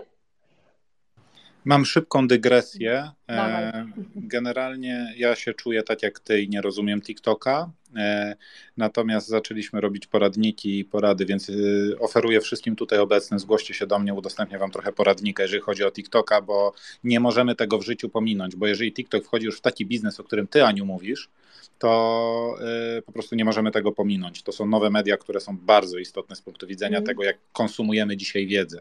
Więc, y, więc to, jest, to jest bardzo, bardzo istotne. Niestety. Powiem, powiem Wam, że mi się ten TikTok, to znaczy y, nie mam TikToka, natomiast Samantha podzieliła się tym swoim TikTokiem na Twitterze i stąd wiem i go oglądałam. I mi się ta forma dużo bardziej podoba niż na przykład Instagram, którego nie do końca rozumiem i pomimo, że jestem użytkowniczką, to nie, nie potrafię jakby wykorzystać w pełni jego możliwości, ani nie potrafię się w tym dobrze odnaleźć, ponieważ to tam było dużo treści w bardzo przyjaznej formie e, która myślę, że trafia właśnie do takiej super młodej widowni typu dzieciaki w szkołach. E, I nawet dla mnie to było atrakcyjne i szczerze mówiąc, e, dla mnie się to bardzo fajnie mm, oglądało. Janusz, proszę. Musisz tam powiedzieć tylko, co było w tym wpisie, bo jeżeli, jeżeli to był zwykły TikTok, to po prostu wrzuciła TikToka, natomiast jeżeli tańczyła i dynamicznie poruszała pośladkami, to wrzuciła twerka, bo to są dwa różne wpisy na TikToku. Twerka, to ja chyba e, uważam, że to był twerk, ponieważ to był taki filmik, który był bardzo dynamiczny. Co prawda Samantha nie tańczyła, ale poruszała się, przemieszczała się na różne części stacji kosmicznej, pokazując jej różne obszary i to, co tam się dzieje. E, także to było dosyć fajne. Mamy już go załączonego, można sobie obejrzeć. O, super. Jest już tutaj u nas na górze. Idealnie. No dobra, ale teraz jak już Kasiu napomniałaś o tej czarnej dziurze, no to, no to nie mogę o niej nie wspomnieć, mimo że to już kolejna czarna dziura. No więc, ale zdecydowanie zdjęciem tygodnia, jeśli nie roku, było zdjęcie właśnie czarnej dziury w drodze mlecznej, słuchajcie. Przez dziesięciolecia e, astronomowie zastanawiali się, co znajduje się w sercu drogi mlecznej. No i właśnie w tym tygodniu ci naukowcy, którzy to badali, zaprezentowali pierwsze w historii zdjęcie supermasywnej czarnej dziury, która się znajduje w sercu właśnie naszej mlecznej drogi. I jest to historyczne zdjęcie, ponieważ e, e, historyczne zdjęcie tego, co naukowcy uważają, nazywają Sagittarius A. I ono zostało wykonane przez taką ogólnoświatową sieć teleskopów o nazwie Event Horizon Telescope, czyli AHT, i zostało opublikowane wczoraj. Także to jest super świeżo, świeżutka informacja. No i ta, ta obserwacja albo cykl obserwacji, które dokonali ci naukowcy, one potwierdzają istnienie właśnie czarnej dziury w sercu drogi mlecznej, która żywi się gazem wodorowym. E, ten teleskop, e, Event Horizon Telescope, jest najbardziej znany z uchwycenia pierwszego w historii zdjęcia czarnej supermasywnej dziury w 2019 roku o nazwie M87 ale dla naukowców biorących udział w tym projekcie to dzisiejsze zdjęcie jest jeszcze bardziej niezwykłym, takim pokonanym e, kamieniem milowym. E, a to dlatego, że ten zespół e, tego teleskopu EHT obserwował ten, ten obiekt Sagittarius A bardzo długo, przed właśnie ujawnionym wczoraj zdjęciem. Ale nie wygenerował obrazu, pomimo tych swoich wieloletnich obserwacji, nie wygenerował innego obrazu niż ten, który zobaczyliśmy wczoraj. Ponieważ ten obiekt Sagittarius A był bardzo był uważany za taki trudniejszy cel do odkrycia niż ta czarna dziura odkryta w 2019 roku, pomimo że znajduje się zaledwie o połowę, e, o połowę bliżej. E, a to dlatego, że Sagittariusz e, A jest stosunkowo taką lekką, supermasywną dalej, ale lekką czarną dziurą o masie 4,3 miliona słońc z bardziej dynamicznym e, takim środowiskiem niż właśnie ta czarna gwiazda M8, czarna dziura, przepraszam, M87 o masie, uwaga, 6,5 miliarda mas Słońca. E, I e, generalnie chodzi o to, że trwające te dziesięciolecia, dziesięciolecia badania, w którym brał też udział laureat Nagrody Nobla w dziedzinie fizyki w 2020 roku Reinhard Genzel, który mm, jest niemieckim naukowcem chyba w Instytucie Maxa Plancka. On pracował e, nad tym e, dziwnym obiektem właśnie przez te dziesięciolecia. I te jego badania zebrały wystarczająco dużo dowodów, aby udowodnić ponad wszelką wątpliwość, że to ciało niebieskie, które emituje fale radiowe, jest rzeczywiście centralną, supermasywną, czarną dziurą drogi mlecznej.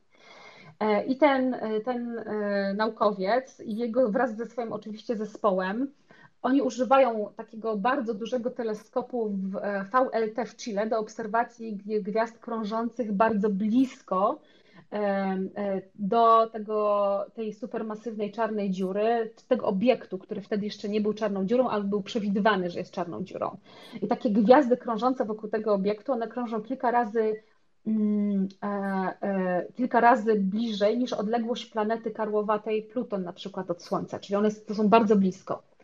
I przez e, dziesięciolecia obserwacji ci naukowcy byli w stanie analizować orbity tych gwiazd, kiedy właśnie krążą wokół centrum galaktyki z zadziwiającą prędkością tysięcy mil na sekundę.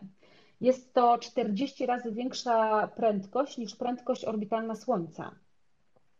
I na podstawie właśnie tych orbit e, ustalili oni, że ten obiekt o nazwie Sagittarius A ma masę ponad 4 milionów słońc w objętości o przestrzeni o średnicy zaledwie 6 lat świetnych. Czyli innymi słowy, ta przestrzeń jest tak gęsta, zwarta i ciężka, że według obecnie znanych praw fizyki nie może być niczym innym e, znanym obecnie nauce poza właśnie czarną dziurą. I dzięki tym informacjom mogli oni obliczyć rozmiar horyzontu zdarzeń czarnej dziury, czyli horyzont zdarzeń, czyli jej granicę, za którą nic, nawet światło, żaden inny obiekt e, nie może uciec.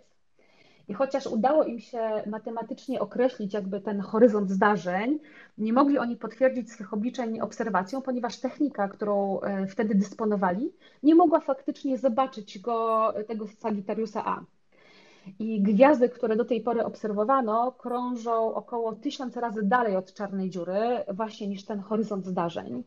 Istniała więc niewielka możliwość wtedy, że może istnieć pewna konfiguracja masy w odległości mniejszej właśnie niż tysiąc razy większa od horyzontu zdarzeń, e, inna niż ta czarna dziura. I ten teleskop, którego oni użyli, e, e, dostarczył tych brakujących dowodów, ponieważ wiadomo było, że horyzont zdarzeń powinien mieć średnicę około 50 mikrosekund łuku. E, taka sekunda łukowa jest taką miarą odległości kątowej.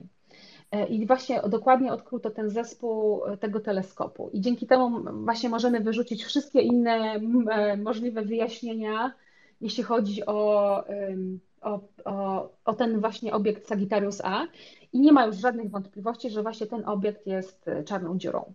No ale już kończąc, to ostatnie, to, to potwierdzenie pojawia się teraz aż 90 lat po tym, jak e, dziwne źródło fal radiowych w gwiazdozbiorze Strzelca e, na, na niebie południowym zostało po raz pierwszy odkryte przez amerykańskiego astronoma. Karla Jańskiego. Jest to, e, jest jednak w tym wszystkim taka jeszcze jedna ważna rzecz, której astronomowie, którą astronomowie muszą zbadać, aby, mm, aby jakby poznać wszystkie właściwości tego, e, tego obiektu, które właśnie pokazano wczoraj na zdjęciu. To, czego jeszcze nie wiadomo o tej czarnej dziurze, to jest to, jak szybko obraca się ona, jaki jest jej tak zwany spin. Ponieważ ogólna teoria względności mówi, że czarne dziury mają, czarne dziury mają tak naprawdę tylko dwie cechy. Jednym z nich jest masa, którą już znamy, a drugą właśnie jest ten spin. I czarne dziury są definiowane przez te dwie cechy. Nie posiadają kształtu, nie mają żadnej powierzchni, nie mają wzgórz, nie mają dolin, nie mają rzek. Mm, spin tej czarnej dziury e, jest zdeterminowany przez e, opadającą na tą czarną dziurę materię, a astronomowie spodziewają się właśnie, że Sagittarius A jest ogólnie taką rozczarowującą czarną dziurą, ponieważ obraca się raczej powoli. Ten spin e, pochodzi z materii, którą, e, która wpada do tej czarnej dziury i która ma moment pędu. Jeśli ta materia przychodzi z tego samego kierunku, stopniowo obraca czarną dziurę. E, jeśli czarna dziura obracała się szybko, musiałaby pożerać ogromne ilości materii w bardzo krótkim czasie, na przykład gdy zderzają się dwie galaktyki, ale to takie zdarzenie nie zdarzyło się w najnowszej historii drogi mlecznej, dlatego właśnie naukowcy myślą, że ta czarna dziura jest dosyć wolna, a więc jest dosyć dla nich nudna. I tym nudnym faktem e, oddaję głos do studia. My zmienimy teraz tematykę, zamienimy się też miejscami przy mikrofonach w studio piątkowego podsumowania tygodnia. Tak przy okazji polecamy Wam się na różne weekendowe okazje. Można nas nasłuchiwać na robieniu kroków, na bieganiu, E, odsłuchiwać możecie podsumowanie tygodnia tuż po 14. E, dzisiejsze spotkanie staje się twitterowym podcastem. Możecie sobie wrócić wygodnie, bo widzę, że część z Was już jest wzywana na kolejne zebranie.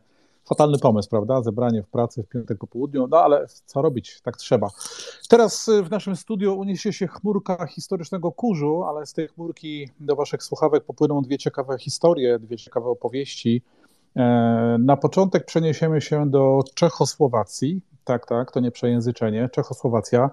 Mamy wiosnę 45, kończy się II wojna światowa. Ówczesny prezydent Czechosłowacji, Edward Benesz, wydaje 89 dekretów, z których 87 dotyczy powojennego ustroju Czechosłowacji. To są bardzo ważne dekrety. One de facto uformowały ustrój tego kraju po II wojnie światowej. Wśród tych dekretów jest też taki, który pozwalał bardzo swobodnie uznawać różne osoby za Niemców, obarczać takie osoby takim oskarżycielskim pomazaniem o współpracę z faszyzmem. No i te, po takim pomazaniu y, te osoby były obejmowane bardzo, bardzo różnymi restrykcjami. Jedną z takich osób był ówczesny y, książę Franciszek Józef II, ówczesny władca księstwa Liechtenstein. Na podstawie tego dekretu Benesza władze Czechosłowacji odebrały mu 66 tysięcy hektarów gruntów, które leżały na terenie Czechosłowacji i których był właścicielem. Do tego zabrano mu zamki, zabytki, bardzo pokaźne zbiory dzieł sztuki. Śmieszność tej sytuacji polegała na tym, że oskarżono o współpracę z faszyzmem księcia Liechtensteinu, który w czasie wojny pomagał ruchom antyfaszystowskim, a łatwość tego oskarżenia polegała na tym, że on po prostu był pochodzenia narodowości niemieckiej i to pozwoliło władzom zbudować e, całe to, całe to oskarżenie. W kolejnych latach, między 45 a 65, Czechosłowacja sukcesywnie wymazała ze wszystkich ksiąg wieczystych wszelkie zapisy, że kiedykolwiek cokolwiek było własnością Liechtensteinu. No i teraz przyszły lata 20. W tym tygodniu Liechtenstein złożył wniosek do Europejskiego Trybunału Praw Człowieka w Strasburgu pozew z żądaniem, by czeskie władze anulowały uznanie e, obywateli Liechtensteinu za tych, którzy współpracowali z faszyzmem. I to ma być podstawą do anulowania powojennych konfiskat, które odbywały się na podstawie tego dekretu Benesza. E, nie wzięło się to z niczego, ponieważ prowokacją, e, tak opisują to media w księstwie Liechtenstein, była decyzja z lutego tego roku, kiedy to czeski Trybunał Konstytucyjny wydał orzeczenie, w którym potwierdził, że to, co zrobiono w 1945 na podstawie tych dekretów Benesza, było w pełni legalne i że nie ma prawa do anulowania tamtych decyzji. To rozsierdziło tych, którzy uważają, że te dekrety Benesza to było duże nadużycie historyczne. No i sprawa zrobiła się głośna i bardzo, bardzo ciekawa. Mi bardzo zależy E, żeby dzisiaj to wybrzmiało w podsumowaniu tygodnia, żeby ta historia też popłynęła tutaj do, do naszych słuchawek, bo wydaje mi się, że ona równoważy takie bardzo trochę nieuprawnione przekonanie, że w, w sprawach historycznych, w sprawach rozliczeń i tego, co się w przeszłości wydarzyło, to tylko Polska ma odwagę coś mówić na głos i że tylko my się o to dopominamy. Jak widzicie na przykładzie tej historii z Liechtensteinu, nie tylko my próbujemy e, jednak wrócić do pewnych nierozwiązanych kwestii z przeszłości. E, Liechtenstein o tym mówi, włączył to do swojej agendy dyplomatycznej, e, poszedł z tym do mediów i sprawa zrobiła się głośna. I nagle, tak naprawdę po wielu latach, wrócił do mediów ten cały kasus tak zwanych dekretów Benesza. To jest arcyciekawa historia. Nie ukrywam, że nie miałem żadnej wiedzy na temat tych dekretów, więc polecam Wam, jeśli robicie sobie jakąś przerwę w piątkowe popołudnie, pogooglujcie, jak bardzo kontrowersyjny jest to temat, jak wiele emocji wzbudza, ponieważ to nie tylko Liechtenstein w tej chwili zaczyna podważać te dekrety, już się pojawili obywatele innych krajów, którzy w tym trudnym czasie tej powojennej zawieruchy też zostali oskarżeni o współpracę z faszyzmem, też byli represjonowani, też stracili część swojego majątku i oczywiście mm, to już nie te same osoby, ale członkowie ich rodzin, często wnukowie e, sięgają po honor, chcą przywrócenia e, tego, jak to powinno wyglądać. I to jest y, bardzo ciekawa, historyczna sprawa, która w tym tygodniu też nie została naświetlona y, w mediach, a dzisiaj popłynęła w piątkowe podsumowanie tygodnia do Was. Teraz uff, druga chmurka kurzu od Krzysztofa Komara. No, mm, bardzo fajna, no, bardzo ciekawa sprawa, o której Janusz mówiłeś. Wielowymiarowa i, i rzeczywiście bardzo bogata w różne, różne perspektywy. I, i, I, ja mam skojarzenie historyczne, ale to dosyć trywialne w porównaniu z tym, co powiedziałaś. E, mianowicie dwa dni temu w Anglii odnalazł się pewien kompas skradziony 53 lata temu. Wydaje się sprawa trywialna, ale jakoś o tym kompasie wszystkie media napisały. W BBC były wiadomości rozliczne, że odnalazł się kompas, którego nie było przez 53 lata. No i ten kompas dlatego był ważny, że on był na 32-stopowej łódce 53 lata temu, Swahili, którą płynął Robin Knox Johnson, który to został pierwszym człowiekiem na świecie, który samotnie opłynął świat. W końcu lat 60. redakcja Sunday Times zorganizowała takie Golden Globe Race, to się nazywało. Wzięło w tym udział dziewięciu skiperów, a dopłynął tylko on. Jeden zginął, inni musieli się wycofać i tak dalej. I po 312 dniach e, został on pierwszym człowiekiem, który samotnie opłynął e, świat. Nawiasem mówiąc, samotne pływanie po angielsku nazywa się single-handed i bardzo zabawnie Google Translator to tłumaczy na jednorękie żeglowanie. Ale to dodatkowa ciekawostka. I po 50 po powrocie z tego rejsu gdzieś ta łódka była wystawiona i nagle zginął kompas i nikt nie wiedział, jak to się stało, że ten kompas robiony przez niego, bo całą łódkę budował w Bombaju, żeby było taniej, gdzie on się podział i teraz nagle jakaś pani, jakaś staruszka odniosła go do Muzeum e, Morskiego w Walii, tłumacząc, że to kolega jej nieżyjącego męża ukradł ten kompas i, e, i, i do nich do domu trafił i ona go teraz zwraca. Do, do, I tu, tutaj będzie krótka ciekawostka dodatkowa, bo ponieważ 50 lat po tym pierwszym samotnym e, rejsie Brytyjczycy postanowili zrobić powtórkę w 2018 roku samotnego rejsu dookoła świata. Wiele osób już opłynęło świat samotnie, ale technologia, technika się zmieniła. W związku z tym wymyślono coś fantastycznego, że w 2012 roku warunki techniczne powinny być podobne do tych, które były 50 lat wcześniej. Czyli nie ma e, satelitarnej nawigacji, nie ma GPS-ów. Nie ma tego, co się nazywa pogodowym routingiem, że przez radio satelitarne otrzymuje się wskazówki od ekspertów, gdzie żeglować, żeby to było optymalne pogodowo. Nie ma satelitarnych telefonów. Dopuszczone zostały na te, po 50 latach na ten, na ten rocznicowy rejs, ale tylko jako y, urządzenie ratujące życie, czyli w razie zagrożenia życia można było wykorzystać y, telefon satelitarny. Nie było długich nie, mm, autopilotów, y, łódki były skonstruowane z długimi kilami, tak jak kiedyś.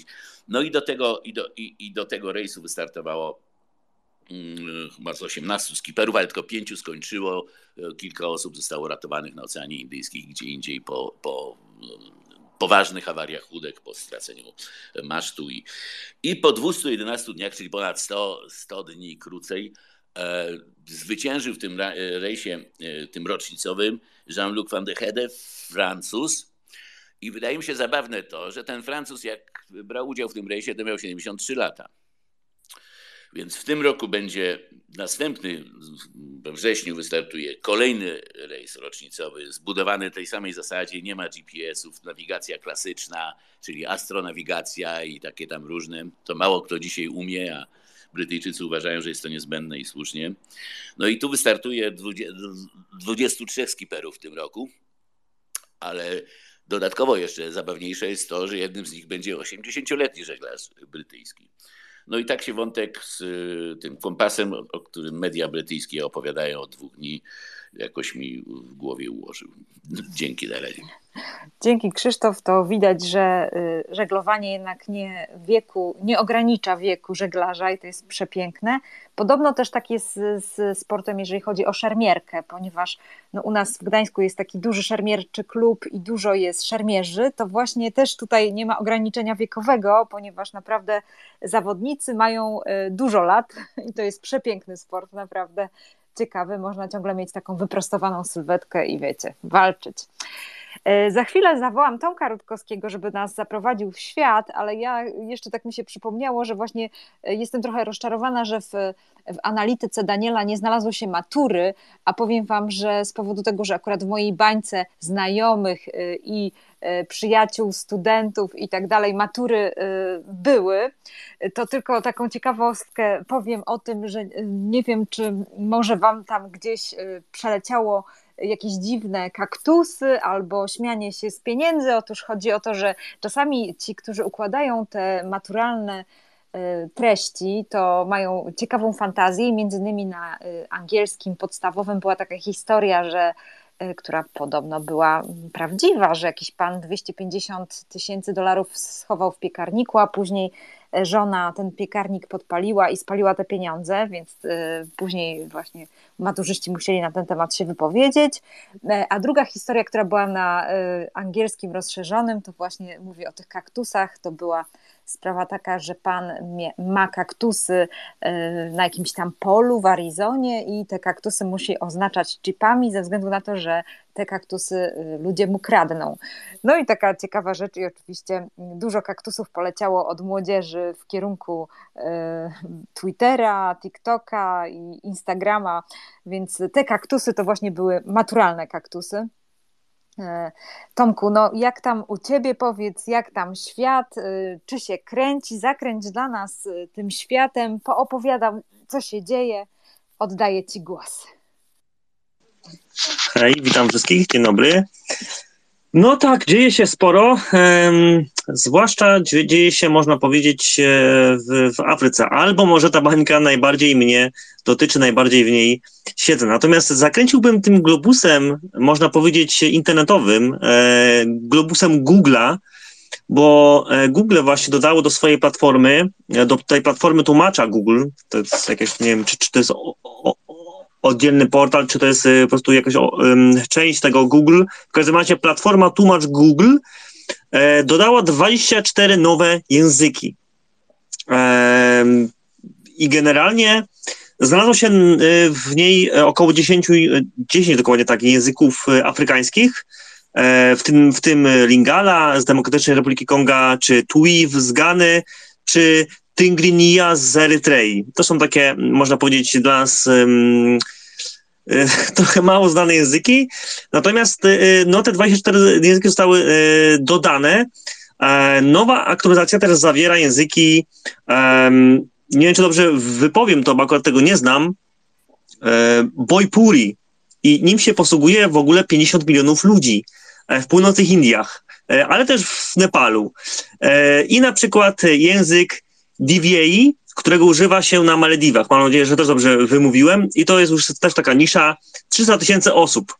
E, w sumie teraz tłumacz Google dysponuje 133 językami i ma zamiar jeszcze dodać w tym roku, znalazłem informację, kilkanaście. Także nie tylko te języki, które są najbardziej popularne, ale jak widać e, te, które są mniej znane, ale e, używane w różnych częściach świata, będą systematycznie, można powiedzieć, dodawane. O czym jeszcze mówi się w Afryce? Narodowy E, Instytut Chorób Zakaźnych e, w RPA zgłosił w środę 10 e, tysięcy ponad nowych przypadków COVID-19 i zapowiadana tam jest już piąta fala. I to jest generalnie taka główna informacja, która, którą podaje się właśnie w tej południowej Afryce. W czym zaznaczę, że jeśli mówimy właśnie o, mm, o Afryce, o RPA w zasadzie, to covidowi przypisano właśnie tam najwięcej ofiar właśnie, czyli w RPA, dlatego się mówi być może pod tym kątem o tej nowej fali i o tych zgonach, ponieważ tam było ich najwięcej.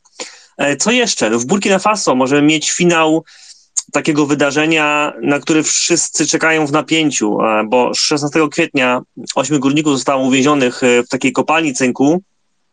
To kopalnia położona około 100 kilometrów na zachód od stolicy Bur Burkina Faso, czyli Wagadugu.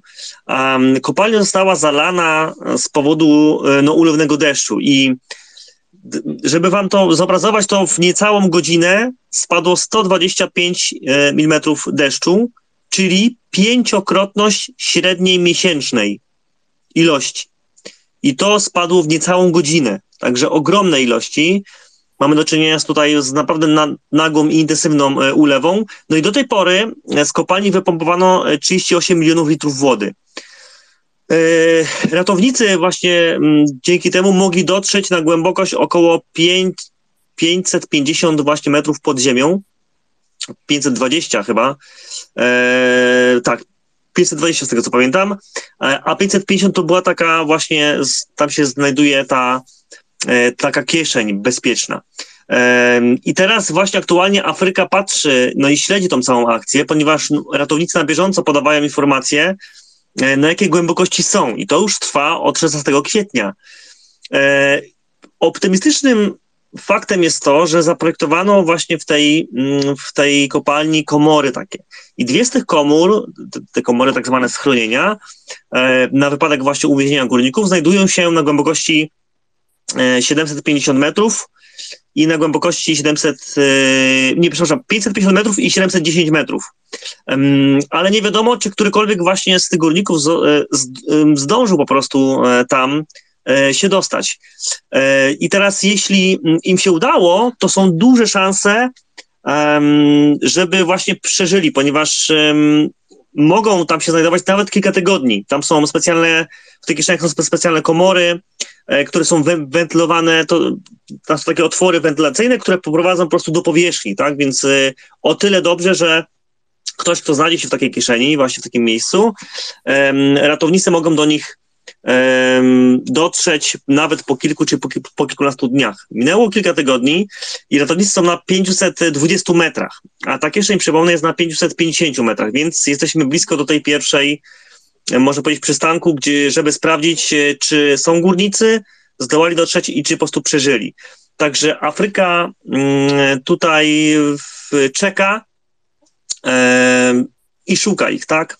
E, ale szuka nie tylko górników, bo w Kamerunie tam ta, ta, mały samolot pasażerski e, bodajże z 11 osobami na pokładzie rozbił się w lesie w środkowym dokładnie Kamerunie. No i taka ciekawostka odnośnie bezpieczeństwa i lotów generalnie w Afryce, to ta katastrofa jest pierwszym poważnym generalnie incydentem w branży zgłoszonym w Kamerunie od 2007 roku. Kiedyś słyszałem wśród y, znajomych, że generalnie boją się latać, a w Afryce to już w ogóle. No tu jednak um, statystyki mówią swoje i zajrzałem do nich. Jest generalnie um, w ogóle s, jaka jest skala tych katastrof y, cywilnych samolotów pasażerskich. No i w tym roku mieliśmy trzy, to były Chiny, Komory i Kostaryka. E, w, zeszłym roku było ich około 13, gdzie tam dominowała Rosja, a w roku 2020 było ich 12 e, i generalnie e, czasy przed covidowym już może tak się posłużę, bo to było, te loty były ograniczone. Natomiast za czasów przedcovidowych to te liczby oscylują mniej więcej w, między 15 a 20, tak? Tyle mamy tych katastrof lotniczych, cywilnych samolotów pasażerskich. Tak więc tutaj mm, Afryka nie wyróżnia się, jak widać, że 2007 rok, więc mm, dosyć dawno to było zgłoszone i wcale takie częste, gdyby ktoś myślał, że e, tam są katastrofy, częste to mm, wcale nie są. Co w Azji słychać? Mamy kryzys na Sri Lance, o tym się głównie mówi w Azji, e, w południowej Azji. Mamy kryzys dosyć poważny. Mm, ten kraj wyspierski doświadczył takiego no, ewidentnego załamania gospodarczego, e, bo zaczęły się zamieszki, e, w których do tej pory zginęło 8 osób, e, ponad 200 było, zostało rannych. Premier się podał do dymisji, mamy gigantyczny wzrost cen, mamy braki towarów, no i domagają się generalnie ustąpienia prezydenta, czyli brata tego, tego premiera, Rajapaksa, mają na nazwisko. No i w, w co, co generalnie napływ środków jest mniejszy, e, napływ środków finansowych od tych rodzin, bo e, dużo właśnie przecież ze, ze Sri Lanki obywateli pojechało, e, wyleciało do Europy, do Azji, do Australii, żeby pracować, żeby przesyłać pieniądze właśnie do, do Sri Lanki, na Sri Lankę, do, do swoich rodzin i ten, i ten właśnie mm, ten przypływ kapitału po prostu runął. Można powiedzieć, że że jest y, ułamek procenta tego, co było. E, eksport także zmalał. E, rezerwy walutowe już stopniały do 70%, e, przepraszam, o 70% w ciągu dwóch lat, więc no jeszcze rząd zawiesił rozmowy z Międzynarodowym Funduszem Walutowym. No generalnie nie jest za dobrze, dopiero niedawno wrócono do tych rozmów. Indie starają tam się pomóc, ale to kropla w morzu potrzeb, zatem Zatem generalnie, jeśli chodzi tutaj o południową Azję, Sri Lanka jest źle. A co do Indii, z których wspomniałem, tam mamy falę upałów. Generalnie falę upałów ciąg dalszy, bo na poprzednim podsumowaniu tygodnia też o tym mówiłem. Tam temperatury utrzymują się ponad 40 stopni Celsjusza już dosyć długo. I to samo dotyczy Pakistanu. No i w związku z tak właśnie z długo utrzymującą się wysoką temperaturą mamy do czynienia z e, topniejącymi lodowcami. E, topnieją e, jeziora lodowe, a te z kolei właśnie powodują zwiększoną podaż wody do rzek. No i to powoduje z kolei powodzie. No jedna z takich właśnie powodzi właśnie obaliła zabytkowy most Hasanbad w, półno- w północnym Pakistanie, na autostradzie Karakorum. Można zobaczyć e, nawet u mnie na, na profilu, można zobaczyć taki właśnie filmik e, z tego zawalenia się mostu. Także zapraszam tam, żeby zobaczyć i poczytać o tym, o, o tym więcej. Natomiast co jeszcze ciekawego, takiego, w, można powiedzieć, czym żyje Azja? No to żyją też, że Azjatycka Rada Olimpijska ogłosiła, że 19 Igrzyska Azja, Azjatyckie, które miały się odbyć generalnie E, w, w Hangzhou w Chinach, mam nadzieję, że dobrze to wymieniam, e, miało się odbyć od 10 do 25 września, e, zostało, zostaną przełożone i na razie nie jest znana data, kiedy one, te azjatyckie Igrzyska Olimpijskie mogłyby się odbyć. Co jeszcze? No w Afganistanie najwyższy przywódca Afganistanu nakazał kobietom zakrywanie twarzy w miejscach publicznych i to jest w zasadzie jedno z najsurowszych takich restrykcji, do których wrócono do który, które teraz nałożono mm, od, od przejęcia właśnie władzy przez, przez talibów e, w, w zeszłym roku, przypomnę. No i mamy do czynienia z taką właśnie eskalacją tych takich restrykcji mm, i generalnie taki nakaz ostatni raz obowiązywał, czyli obowiązek zakrywania twarzy w miejscu publicznym, obowiązywał w latach 90., więc mamy powrót do tego.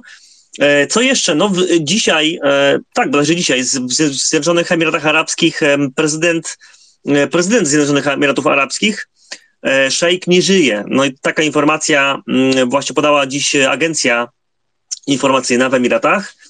E, no cóż, prezydent miał 73 lata, został wybrany w 2004 roku na, na następcę właśnie swojego ojca, szejka. Co do samych rządów, no to generalnie ten władca od kilku lat w zasadzie zmagał się z chorobą i już kilka lat temu przestał, można powiedzieć, angażować się w takie codzienne sprawy. E, no i cóż, następca jeszcze nie został, mm, nie został jeszcze mm, ogłoszony. Dobrze, co jeszcze? Może druga strona kuli ziemskiej, tam jeszcze informacja, tam miała miejsce taka potężna eksplozja w zeszłym tygodniu. E, to jest hotel Saratoga, Um, I była tam eksplozja gazu. Ona była spowodowana no, prawdopodobnie w, w, wyciekiem gazu, tak, tak ustalono, natomiast cały czas śledztwo w tym trwa. Początkowo podano informację 8 osób, to było tydzień temu. Um, patrzyłem w środku, w, w około poniedziałku, wtorku, to było już 20 kilka osób. Teraz podaje się 45 osób i informacja z dzisiaj, że jest to ostatnia właśnie osoba, która została wyjęta z gruzów, czyli 45 osób e, zmarło, 54 zostało ranne. To był taki też e, właśnie hotel, można powiedzieć, jeden z lepszych pięciogwiazdkowy hotel w centrum stolicy Kuby, na Hawanie. No i zniszczeniu uległo w zasadzie spora część tego, spora część tego hotelu. Co dalej z nim będzie, to dopiero się, to dopiero się okaże. E, no i cóż, tyle jeśli chodzi o, o, o informacje takie najważniejsze, które właśnie gdzieś tam były na świecie. E, jeszcze mogę tylko powiedzieć e, odnośnie, zawsze jest jakiś motyw wulkanów, to kto chce i kto lubi właśnie oglądać takie, takie erupcje czy spływy plastyczne, to może jawajski wulkan Merapi, który 10 maja właśnie upuścił trochę lawy z boczem. Można takie właśnie filmiki zobaczyć w internecie. Wulkan Merapi. No i tyle, jeśli chodzi w zasadzie te najważniejsze mm, informacje ze świata, czym żyje mm, świat. Bardzo dziękuję Ci, Tomku. E, czy miałeś dobrą ocenę z angielskiego na maturze? Wiesz co, miałem czwórkę, cztery plus chyba. A czy były jakieś dziwne zadania, typu o kaktusach albo coś takiego? Nie, oczywiście nie. Nie, nie, nie, kaktusów nie, nie było. Nie, kaktusów nie było, ale, ale pamiętam, że, że generalnie e, cała moja historia, e, z, jeśli chodzi o maturę z angielskiego, to była trudna, ponieważ ja się nie uczyłem angielskiego, a chciałem zdawać, więc ja już byłem taki pełny nerwów, że w końcu mnie dopuszczono i mogłem i cała gdzieś tam, bo to wtedy była usta matura, nie wiem jak jest teraz, wtedy właśnie do, dotyczyła tego, że było odnośnie Skandynawii, mieliśmy kupić prezent e, koleżance i miałem o tym opowiedzieć, co było dla mnie może takim dziwnym po prostu e, zadaniem. Nie byłem na to przygotowany, ale mimo to zdałem na 4. No tak, bo ty jesteś wygadany chłopak, to po prostu dałeś radę. Zbajerowałem, można powiedzieć, zbajerowałem. Tak, tak. Zasada studencka i można całe studia na tym przejść. Jeżeli pytają cię, o trąbę, a nic o niej nie wiesz, to zacznij mówić o słoniu, że ten ma tak, trąbę i wyjdzie coś z tego. Dobrze. Słuchajcie, e, na pewno e, pilny student Paweł Szawczukiewicz tutaj zaraz do nas zagości, więc ja go chcę tutaj udzielać mu głosu i, i wskakiwać. Wiem, że u niego jest wielki ranek, raniutko, raniutko jest bardzo. A Paweł, jak tam ty, taki y, pilny student i same piątki oczywiście miałeś i tak dalej? oczywiście wygłupiam się, żartuję, bo y, rozmawialiśmy w podcaście na ten temat, na temat twojego studiowania, więc Paweł dzielny mm, y, również podróżuje, więc za, za, proszę cię, żebyś nam, nas zabrał w twoje rewiry, gdzie ty tam jesteś. Dzień dobry, przepraszam, witam serdecznie. Wiecie, łączę się tutaj z Kasha Park Road.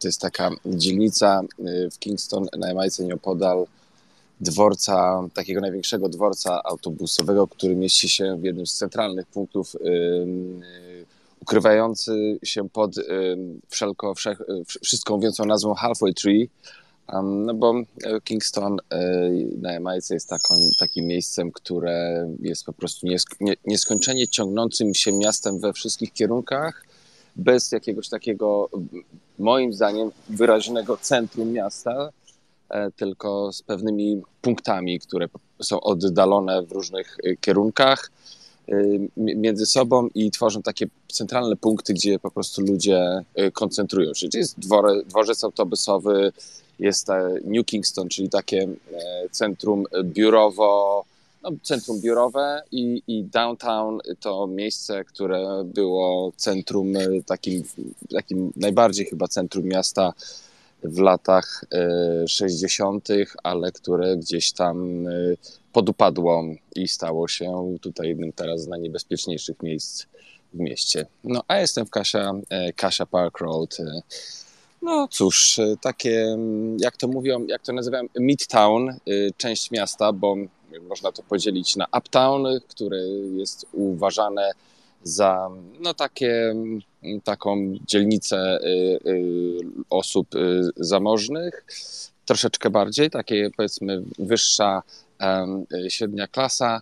E, jest tak zwany Beverly Hills, e, gdzie mieszkają wszyscy politycy, celebryci na wysokich wzgórzach, w wielkich domach.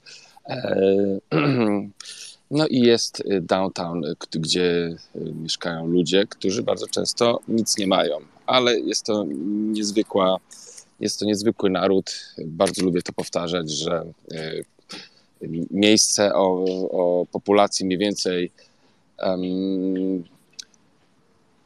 województwa mazowieckiego e, ma jakąś taką absolutnie magiczną koncentrację kreatywności, jest w stanie budować trendy, stworzyć styl muzyczny, a nawet trzy czy cztery, które później rozlewają się we wszystkie na wszystkie szerokości geograficzne, więc y, ja jestem nieustannie zafascynowany. A czy do ciebie dotarła Eurowizja w ogóle? czy nie za bardzo? Y, do mnie dotarła, ale w dużej mierze, szczerze mówiąc, dotarła do mnie przez y, Instagram tej Kalash Family, tak oni jakoś się nazywają?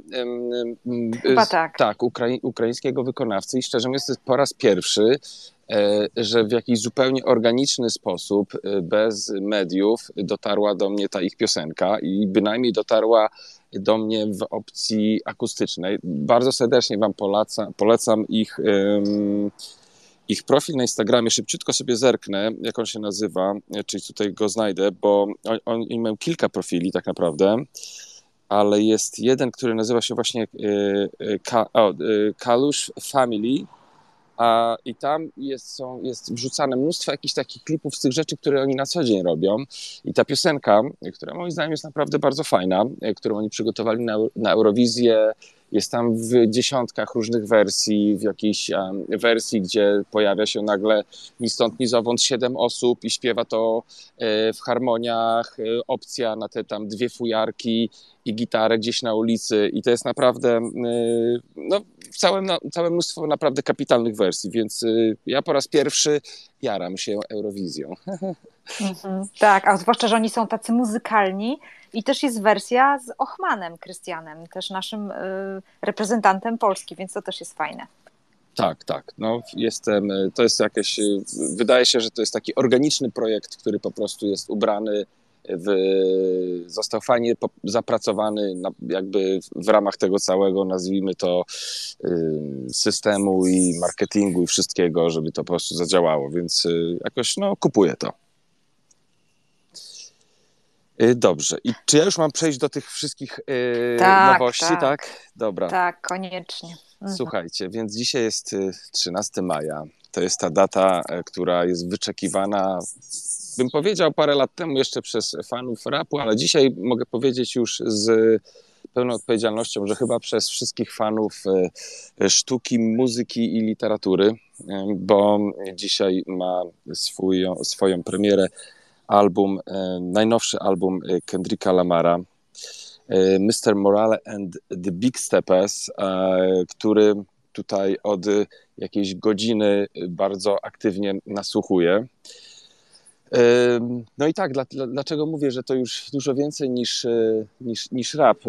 Wydaje mi się, że ten, to jest artysta, który niezwykle sprawnie użył wszystko to, co najlepsze, co, co, co, co rap i kultura ma do zaoferowania i mm, ulepił z tego taką formę, która jest broni się w kontekście takim artystycznym na pełnej e, szerokości, pod każdym względem. Jest po prostu tam, są zamieszani ludzie, którzy e, no, muzycy najwyższej klasy, producenci najwyższej klasy. Jest to, on, on, on osiąga jakąś taką bardzo y, niewiarygodną równowagę między, między, między jak to powiedzieć, równowagę między jakby takim poziomem komercyjnym, w tym sensie, że to są, że, że ta, ta, ta płyta i w ogóle te wszystkie rzeczy, które on robi, to są rzeczy, które będą latać w radiu, to są rzeczy, które są, e, że tak powiem, przystępne całkiem dla, nazwijmy to w cudzysłowie, przeciętnego słuchacza, żeby jakąś taką E, formę statystyczną e, użyć, e, a, a równocześnie, moim zdaniem, oczywiście to jest subiektywna opinia jak zawsze, to są rzeczy, które są naprawdę niezwykle fajne artystycznie. I to jest bardzo ciężko pogodzić dla takich artystów, którzy którzy chcą robić rzeczy, które są bardzo ambitne, które chcą robić rzeczy, które są bardzo nietuzinkowe, a równocześnie no, gdzieś tam funkcjonują w ramach pewnej maszyny, która mm, wymaga od nich tego, e, żeby po prostu gdzieś tam pojawiły się liczby. Jeżeli te liczby się nie pojawią, no to, no to jest to uważane jakby, że, że ponieśli pewną porażkę, spadają z tego piedestału, tracą status i być może inaczej, bardzo często nie są w stanie się wdrapać. Ja generalnie dzisiaj obstawiam, że mniej więcej za 7 czy 10 dni, kiedy pojawią się pierwsze informacje o tym, jaki będzie performance tego albumu y, ściśle komercyjny, bo ta lista Billboard to tak naprawdę jest oparta ściśle o wszelkie dane związane z konsumpcją y, tego, brzydko mówiąc, produktu, który dzisiaj pojawi się na rynku, to ja obstawiam, że to jednak będzie pierwsze miejsce. Natomiast Również obstawiam i podpisuję się dwoma rękami pod tym, że jest to kapitalny materiał właśnie pod kątem mm, artystycznym. Jest e, bardzo, e, jest bardzo oryginalny i, i, i doskonale bierze te wszystkie elementy muzyki, które my znamy i, i łączy to z różnymi e, takimi mm, piruetami um, oraz formami ekspresji, formami um, jakiejś, jakimiś takimi wynalazkami, które są bardzo sprawnie później włączone w to, w, w ten materiał, że to jest spójne, że to jest fajne, że to jest interesujące a równocześnie, y, no właśnie, a równocześnie po prostu się sprzeda, więc y, kapitalna płyta, y, chętnie, pewnie myślę, że warto do niej wrócić jeszcze jakoś y, za, za tydzień, bo wtedy będę miał szansę, żeby też wsłuchać się, a to też te, te historie, które on opowiada, y, to są niezwykle ciekawe rzeczy. Bardzo serdecznie Wam polecam. Na playlistę, którą już wkleiłem, wkleiłem także mm, wkleiłem tam kilka utworów, ale zacząłem naturalnie od singla Hard Part 5, który jest y, serią singli. On wraca do tych, do, to jest, jest, to, jest to pewna seria, taka saga y, i on tutaj wraca do, do nich po raz piąty. Wkleiłem także artykuł z Billboardu, gdzie wszystkie są wymienione, bo nie wszystkie niestety znajdują się na y, serwisach streamingowych. Dwa pierwsze, dwie pierwsze części pojawiły się tylko w ramach jakichś takich nieoficjalnych wydawnictw albo wydawnictw, które, których prawa autorskie na razie nie pozwalają, żeby y, pojawiły się na serwisach y, streamingowych. Więc 13 maja bez wątpienia najważniejszą premierą jest Kendrick Lamar i bardzo serdecznie Wam to polecam.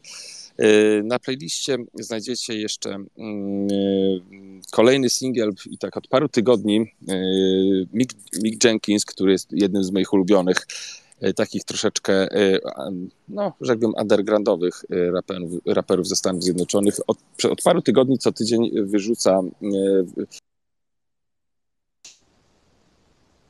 w ramach jakiegoś projektu, w którym bierze udział i to jest zawsze kapitalna muzyka. Jego, moim zdaniem też w zeszłym roku jego album to był jeden z lepszych, jedna z lepszych rzeczy, jaka się pojawiła. Y, na playliście znajdziecie również mm, Voltage Shy FX i Agent Sasko. To jest taka kombinacja, współpraca pomiędzy, no, można by powiedzieć, bardzo już legendarnym producentem muzyki Jungle Drum and Bass z Wielkiej Brytanii i tutaj jednym z takich najbardziej lirycznych jamańskich artystów. To jest świeżość, która była zapowiadana od paru miesięcy, w końcu się pojawiła i bardzo się cieszę, że jest. Odsłuchałem, jest super. Y, jest sam Gendel y, z Antonią Cyt Trynowicz. Sam Gendel to jest taki pan, który jest niezwykle płodny. Wyrzuca też właściwie prawie całe albumy co parę tygodni, mam takie już teraz wrażenie i no jest takim malarzem dźwięku, bierze przeróżne instrumenty i te instrumenty moduluje w przeróżne sposoby. Właściwie wydaje się, że nie ma żadnych żadnych limitów, jeśli chodzi o, o, jego kreatywność. Dzisiaj to, dzisiaj może nagrać płytę z samym jakimś saksofonistą, jutro z wokalistką, a pojutrze, nie wiem, spodziewam się, że może nagrać płytę naprawiając samochód i nagrywając, jak odkręca śruby, więc y, zachęcam was bardzo serdecznie, żebyście sobie sprawdzili. Imanu to dla odmiany młody y, producent z Holandii, którego słucham pasjami. E, on się zajmuje e, muzyką elektroniczną i bardzo dobry robi świeży drum and bass. Bardzo serdecznie Wam również polecam. Pojawiła się płyta e,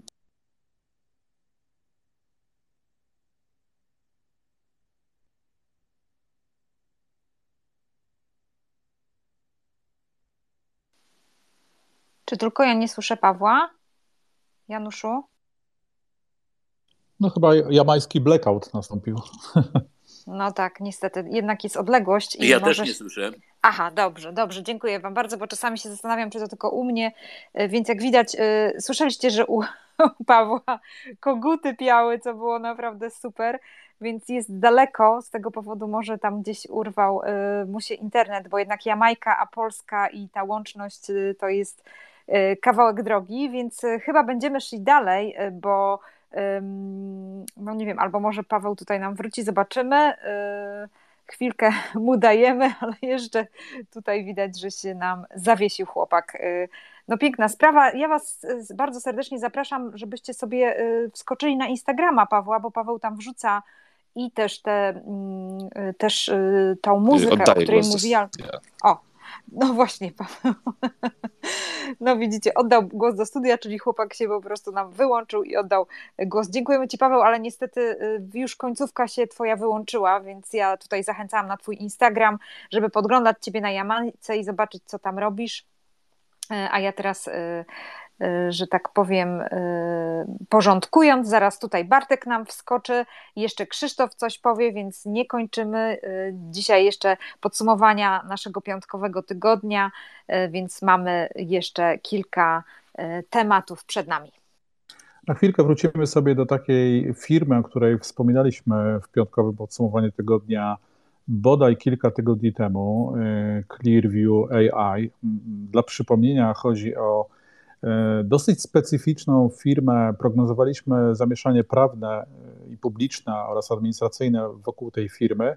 W dużym skrócie to jest firma, której technologia polega na tym, że po przyłożeniu smartfona do twarzy człowieka ta e, aplikacja pokazuje nam tożsamość. Firma nie do końca w legalny sposób pobrała bardzo duży zasób zdjęć.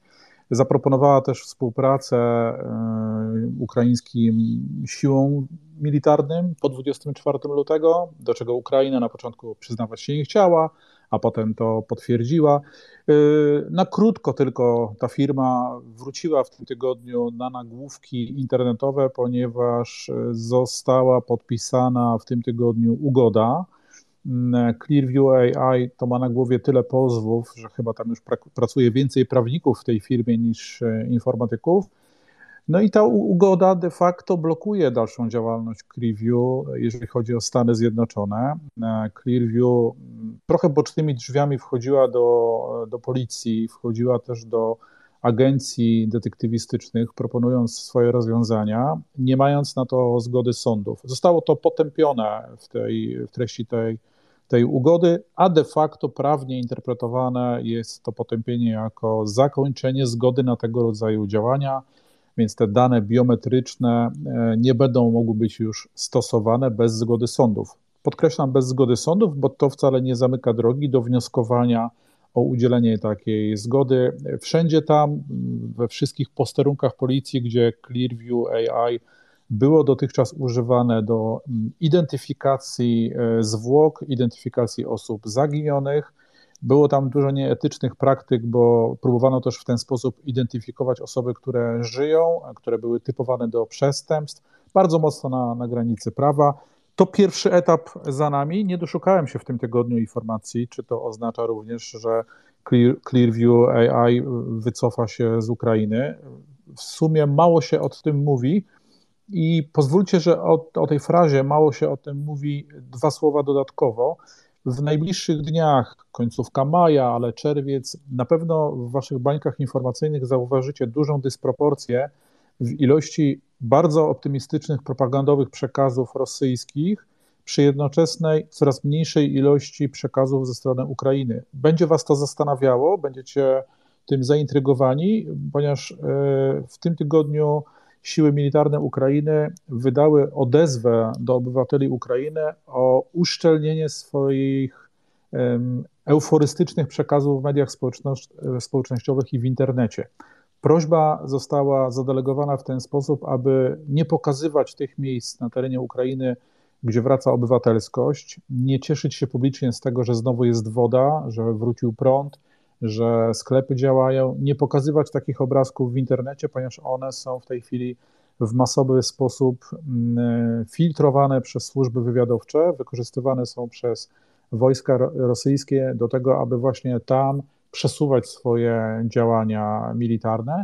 E, to oznacza, że my będziemy tych rzeczy widzieli bardzo mało, mm, bo to uszczelnienie ma swój jakby zamiar wynikający z pewnej strategii jeżeli chodzi o to, co się dzieje w tej chwili po tym 70, już chyba siódmym dniu, dniu wojny. E, nie bądźmy tym zaskoczeni, musimy to też uszanować. Co więcej, ja myślę, że powinniśmy też to naśladować. Każde zdjęcie, które my retweetujemy, szerujemy albo udostępniamy, może być bardzo profesjonalnie analizowane, jeżeli chodzi o tak zwany dalszy kadr albo to, co się dzieje na drugim planie. Tym się zajmują służby wywiadowcze. E, myślę, że taka samodyscyplina e, jest też jakby nowym aktem naszej solidarności z tym, co w tym tygodniu zarządzono na Ukrainie, aby ograniczyć możliwości e, śledzenia i monitorowania tych zdjęć, a to, co z tych zdjęć wynika, potem przekładać na nowe rozkazy i na nowe ruchy militarne. Mm, zostawiam Wam tę pigułkę. Nie forsuję decyzji, że to jest konieczne, no, ale myślę, że ta rekomendacja zabrzmiała no, nader wyraźnie. E, teraz e, chciałabym e, poprosić Bartka, bo Bartek ma tutaj dla nas garstkę informacji z Norwegii, więc bardzo bym Cię prosiła, żebyś powiedział, jak tam się rozwija sytuacja imprezowania i tego, że już nadchodzi ten dzień, kiedy po prostu cała Norwegia zostanie rozwalona przez młodzież i ciekawa jestem, jak, jak Ty tam się pozbierasz. Mm, cześć, dzień dobry wszystkim. E, miałem to zostawić na koniec, ale no, no już. Dobra, to zostaw Teraz... na koniec, nie musisz. ja koniec, też pytałam tak? Anię o czarną dziurę. Ona powiedziała, że na końcu powie o czarnej dziurze, więc ty możesz też o tej czarnej dziurze powiedzieć Dobrze. na końcu. Tak, tak, tutaj ta czarna dziura.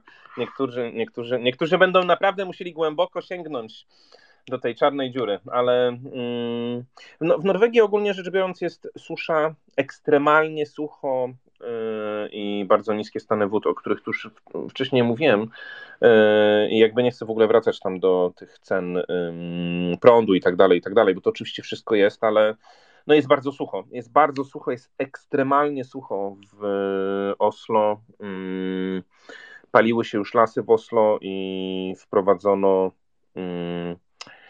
może nie tyle co gigantyczną, gigantyczną kontrolę, ale jednak bardzo mocno, y, bardzo mocno kontrolują y, i, i, po prostu patrolują, czy ktoś nie, nie pali tutaj bardzo popularnych ognisk, a teraz zwłaszcza na tego 17 maja. Y, przypomnę tylko, że to jest największe święto w Norwegii, najważniejsze, więc będzie na pewno bardzo dużo imprez, więc palenie ognia będzie bardzo dużym za, zagrożeniem.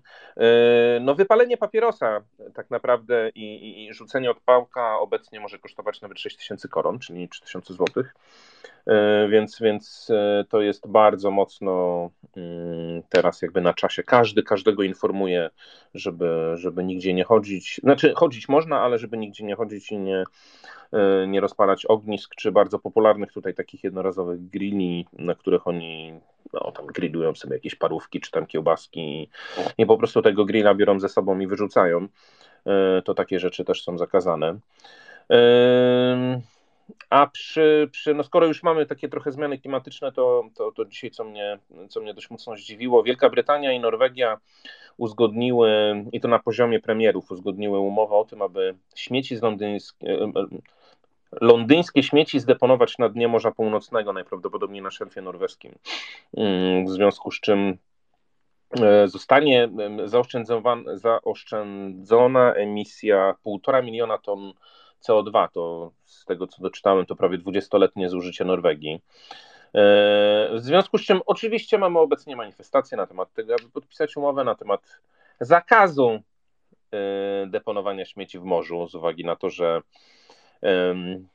no, oczywiście dochodzi tutaj do tego cała, cała jakby sytuacja z tym mikroplastikiem i że jednak no, nie wiemy tak naprawdę w jaki sposób to wpłynie na nas mm, i, raczej jest to, raczej nie jest to pożądana cecha. No ale, ale trochę mm, już mówimy tutaj o takiej odpowiedzialności, przynajmniej tutaj na to się, że tak powiem, powołują, że po prostu to jest opóźnienie rozwiązania i spychanie tego problemu na, na późniejsze pokolenia, a tutaj, tutaj jednak jest bardzo mocno podnoszona taka odpowiedzialność pokoleniowa i taka, taka rzeczywista sprawiedliwość i jakby no yy, było takie pytanie, które zapamiętałem, czy za naszą zabawę będziemy kazać, ka, kazać płacić naszym dzieciom. Yy, więc więc to, to, to, to, to było takie, yy, to jedna rzecz w sumie. Koniec Eldorada, jeśli chodzi o samochody elektryczne. Nadal będzie fajnie, ale z uwagi na to, że mają bardzo, ale to bardzo preferencyjne warunki kupowania tych samochodów elektrycznych i używania ich i ponoszenia z tego tytułu kosztów, to no jest ich na tyle dużo na drogach, że te koszty, mm, jakie ponoszą użytkownicy ogólnie są niewspółmierne do ilości. E, więc, więc Norwegia mówi dość dla dotowania samochodów elektrycznych, ale nie mówi dość e, na zasadzie koniec, od dzisiaj będzie porówno, chodzi o to, że podatek VAT na samochody elektryczne, który obecnie jest no, zwolniony, bądź możemy powiedzieć, że jest obłożony stawką 0%, od kolejnego roku będzie zwolnione tylko pierwsze 500 tysięcy koron, a nadwyżkę powyżej tej kwoty będzie po prostu trzeba opodatkować już taką zwyczajną stawką. E, I co istotne tutaj tak naprawdę, to jest to, że te samochody elektryczne, dlatego, dlatego ich jest tak dużo, że za 3 lata nie będzie można już innych y, samochodów, czyli samochodów opalanych na takie paliwa kopalne po prostu kupić. Y, w związku z czym zaczyna być y, trochę, trochę niesprawiedliwe na zasadzie takiej, że ci, którzy jeżdżą na benzynę czy, czy, czy, czy diesel, no po prostu ponoszą dużo większe opłaty, a obecnie w ogóle jest planowane, żeby w 2023 te opłaty e, podnieść e, w stosunku rocznym o 70%, więc, więc to jest bardzo, bardzo dużo. E, w Polsce oczywiście tego problemu na razie nie ma, ale wydaje mi się, że będzie, więc, więc mm, ktoś, kto się tym interesuje, może tak naprawdę patrzeć, jak wygląda rozwój, rozwój w Norwegii, jeśli chodzi o no, no właśnie o ten rynek elektryczny, bo tutaj trochę to zaczyna już być, przestaje to być ciekawostką, zaczyna być to standardem. Co jeszcze? No, no, ciężko jest przejść obok tego, co się dzieje w Szwecji i Finlandii, ogólnie rzecz biorąc, nie? Czyli tutaj ja mówię o NATO, nie?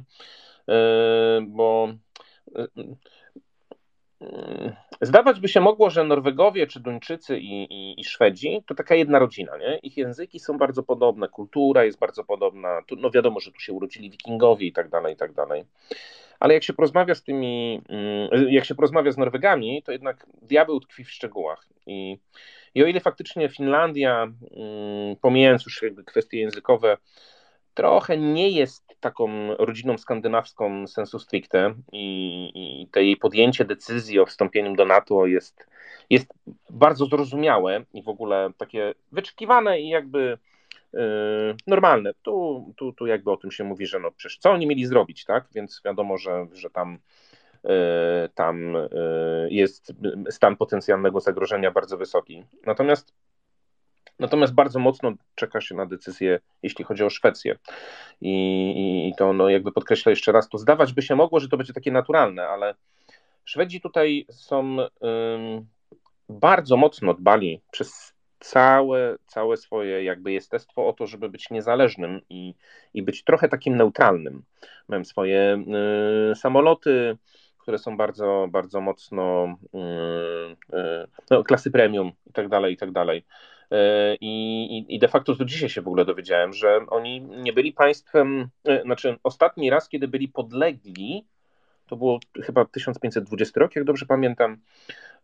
I tutaj w Norwegii bardzo mocno się jakby czeka na to po prostu czeka na, to, na podjęcie tej decyzji i jest, jest, jest, no przynajmniej w mojej bańce tych Norwegów, to jest jakby trochę temat numer jeden, aż jestem w szoku, ale naprawdę się o tym, o tym mówi, jakby wyczekuje się i oczekuje się, że, że, że jednak oni podejmą decyzję na temat tego, żeby, żeby jednak tutaj mm, e, no, no nie stali po stronie e, jakiejś neutralności i tak dalej, i tak dalej.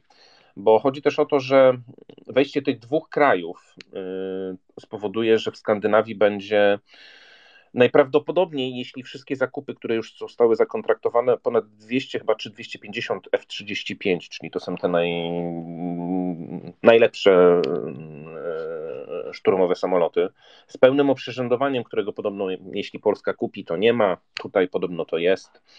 Y, I E, w połączeniu z platformami obrony przeciwlotniczej, tutaj w Norwegii są bardzo popularne, to jest podobno klasa premium. E, na pewno dwie baterie e, właśnie norweskiej firmy, tego Kongsberg Defense System bronią Białego Domu, więc, więc to podobno jest no, best of the best, jeśli chodzi o broń przeciwlotniczą. No, spowoduje to, że północna część NATO będzie takim punktem szybkiego reagowania, przynajmniej tak dzisiaj czytałem w gazecie, że, że taki jest plan, Że, że to zabezpieczenie przeciwlotnicze na pewno będzie gigantyczne. E, trudność, jeśli chodzi o w ogóle o zdobycie Skandynawii, będzie bardzo duża, no bo tutaj jednak są warunki górzyste, więc, więc to też nie będzie tak szybkie ale będą, ale będą, te siły szybkiego reagowania, jeśli chodzi o samoloty, będą, e, będą na pewno najmocniejsze. No podkreśla się tutaj właśnie, że, że, że za 3-4 za 4 lata będzie ponad 250 tych F-35 mm, stacjonowało. E, z takich innych ciekawostek to mm, dzisiaj też czytałem w sumie to dzisiaj tak naprawdę robiłem takie podsumowanie, więc, więc, więc te informacje są takie jakby trochę dzisiejsze. Wcześniej, no to mówię, tylko, tylko jakieś takie mm, informacje na temat, na temat pożaru lasu, no i właśnie tego 17 maja. Ale Ministerstwo Zdrowia współpracowało z, z norweską telewizją i ustaliło, że dzieci, które mają nie więcej niż dwa lata, nie powinny w ogóle oglądać telewizji ani żadnych mm, tabletów, żadnych, żadnych takich y, płaskich ekranów. I chodzi właśnie o to, że ich mózg jest y, może nie, nie, nie tyle co nierozwinięty, żeby oglądać telewizję, bo, bo to oczywiście jest, tylko że tu chodzi o tą jakby taką alternatywę, że dziecko powinno do chyba do trzeciego roku, tam było podkreślone, że do trzeciego roku powinno poznawać y, świat dłońmi, czyli, czyli, czyli, y, czyli uczyć się tej przestrzeni przestrzeni i oko powinno ćwiczyć określanie jakby odległości, wielkości i tak dalej, i tak czego, czego, czego telewizja, mm, czy oglądanie telewizji jakby nie może, mm, nie jest w stanie wytworzyć. Oczywiście doszło tutaj do tego, że została skrytykowana bardzo, bardzo popularna yy, yy, seria właśnie, yy, czy propozycja telewizyjna właśnie dla najmłodszych. Ogląda ich tam około półtora miliona ludzi, więc, więc, więc coś z tym na pewno będą musieli zrobić. E, no i co? 17 maja jest tutaj święto Konstytucji. Największe mm, święto, chyba jedno z lepszych i w ogóle bardziej takich usłyszałem takie, takich, takich przaśnych, ale takich ludowych e, świąt w ogóle w Europie. E, jeżeli, jeżeli ktoś jest zainteresowany, jak to wygląda, to sobie wpiszcie 17 maja w Norwegii w, w Google i zobaczcie. Naprawdę to jest przepiękne. Są parady, pełne, rodzinne, przeważnie tak naprawdę to są parady z dzieci. To jest historyczna zaszłość, yy, kiedy, kiedy Norwegowie trochę walczyli o konstytucję, trochę walczyli o niepodległość, dostali szwedzkiego króla. Szwedzki król trochę nie chciał, żeby byli niepodlegli, więc, więc, yy, więc mm, wyszli trochę protestować i, i naprzód postawili pięciu chłopców, z tego co dobrze pamiętam, yy, właśnie no, dla pewności, e, żeby, żeby nie było jakichś tam zbrojnych mm, ruchów, jeśli chodzi o Szwecję. E, więc, więc we wtorek będzie wielki pochód, każdy będzie szedł w Oslo i machał do króla. Król będzie miał najbardziej zajętą pracę, najbardziej pracowity dzień e, w roku, czy cała rodzina królewska. E, no i impreza, impreza zakończy się wielką fetą, jeśli chodzi o maturzystów, e, którzy już w zeszłym tygodniu mówiłem, że właśnie imprezują. Jest takich, mm, teraz nie pamiętam, chyba siedmiu albo dziewięciu, którzy, którzy mm, no imprezowali, bo ta impreza oczywiście trwa przez cały rok, ale no jakby te finały i te, te, te wszystkie imprezy mm, no właśnie teraz się się intensyfikują. No jest, jest, jest kilku takich, którzy, którzy wynajęli sobie samochód, samochód, autobus, przepraszam, autobus, który trochę był gruchotem, starym, starym rozpadającym się autobusem, yy, który miał po prostu bardzo dużo sprzętu nagłośnieniowego, w tym, jak pamiętam, to chyba trzy 28-calowe głośniki. Cokolwiek to znaczy, nie, nie znam się na tym zupełnie, ale było bardzo mocno podkreślone i kilkanaście innych studyjnych głośników, które były dedykowane do takich plenerowych imprez. Więc jaki był koniec imprezy? No, ogólnie nie wiadomo nadal, dlaczego ten autobus został absolutnie całkowicie spalony. No, ci biedni maturzyści tłumaczyli, że próbowali, starali, szukali się, szukali, szukali miejsca, gdzie mogliby ubezpieczyć te ewentualne imprezy. Są, są, są poszkodowanymi. Najprawdopodobniej jeden z nich, który podpisał wynajem tego autobusu w kwocie hmm, chyba tam 40 tysięcy koron, będzie musiał teraz zapłacić półtora miliona koron. Y, to takie 700 mm, tysięcy w Polsce, mm, więc, więc to takie pół mieszkania, o, tutaj w Norwegii, więc, y, więc no jest właśnie, mają, mają straszny problem, więc ja bardzo czekam na kolejne rzeczy. E, e, tego akurat jeszcze nie, nie, nie, nie słyszałem, ale no, autobus się kompletnie spalił doszczętnie. I tyle.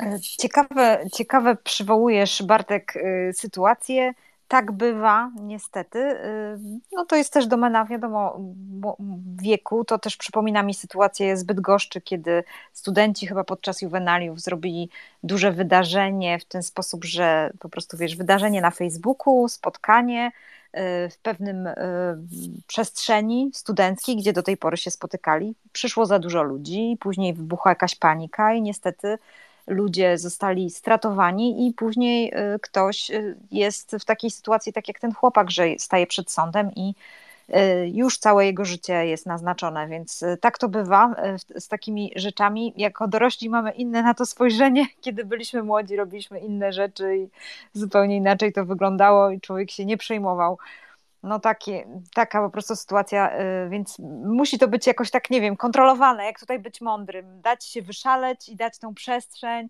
dać klucze do miasta, tak jak to się dzieje teraz w wielu miastach, ponieważ są juwenalia, kortowiada, wiecie, technikalia, no różne rzeczy się wydarzają i no i też trzeba jakoś y, dać, y, dać tą przestrzeń do zabawy, ale też w jakiś sposób chronić od tego, od nich samych, nie? To, to jest jednak wielka, wielka mądrość.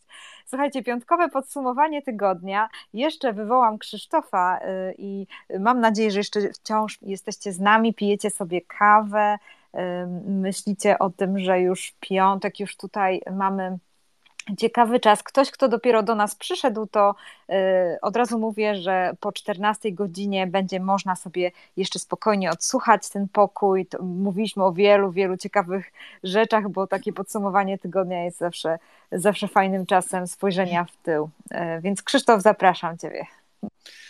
Hej, jestem, jestem na etapie rozmyślań, gdzie położyłem plecak, który muszę jutro zabrać. A bo już, już, już i już się pakujesz, rozumiem, tak? No nie, na razie myślę o tym, że trzeba się Aha, myśl, o dobrze. To jeszcze przez chwileczkę nie myśl. No, Powiedz coś do nas i wtedy będziesz się pakował. Dobrze, więc chcę powiedzieć, że mm, zabrałem się za czytanie y, dzisiaj z rana y, czegoś, co opublikowały raporty McKinsey'a, czyli mm, jak oni to nazwali, takiego raportu o technologii w y, branży modowej w 2022 roku. E, jakie będą główne kierunki y, cyfryzacji w tej branży, co jest ciekawe samo w sobie. I przypomniałem sobie, że mam gdzieś odłożony w domu mm, stary egzemplarz takiego miesięcznika, wydawanego też przez wydawcę Woga, magazynu Wired, który jest o nowych technologiach. I odnalazłem tę właśnie sprzed trzech chyba lat, ponad trzech lat, to wydanie, gdzie z kolei na stronie odłożyłem je, ponieważ na okładce był wielki tytuł Fashion Goes Tech. No i zacząłem to przeglądać, co oni tam wtedy pisali ponad 3 lata temu, żeby miał porównanie z tym, co jest dzisiaj.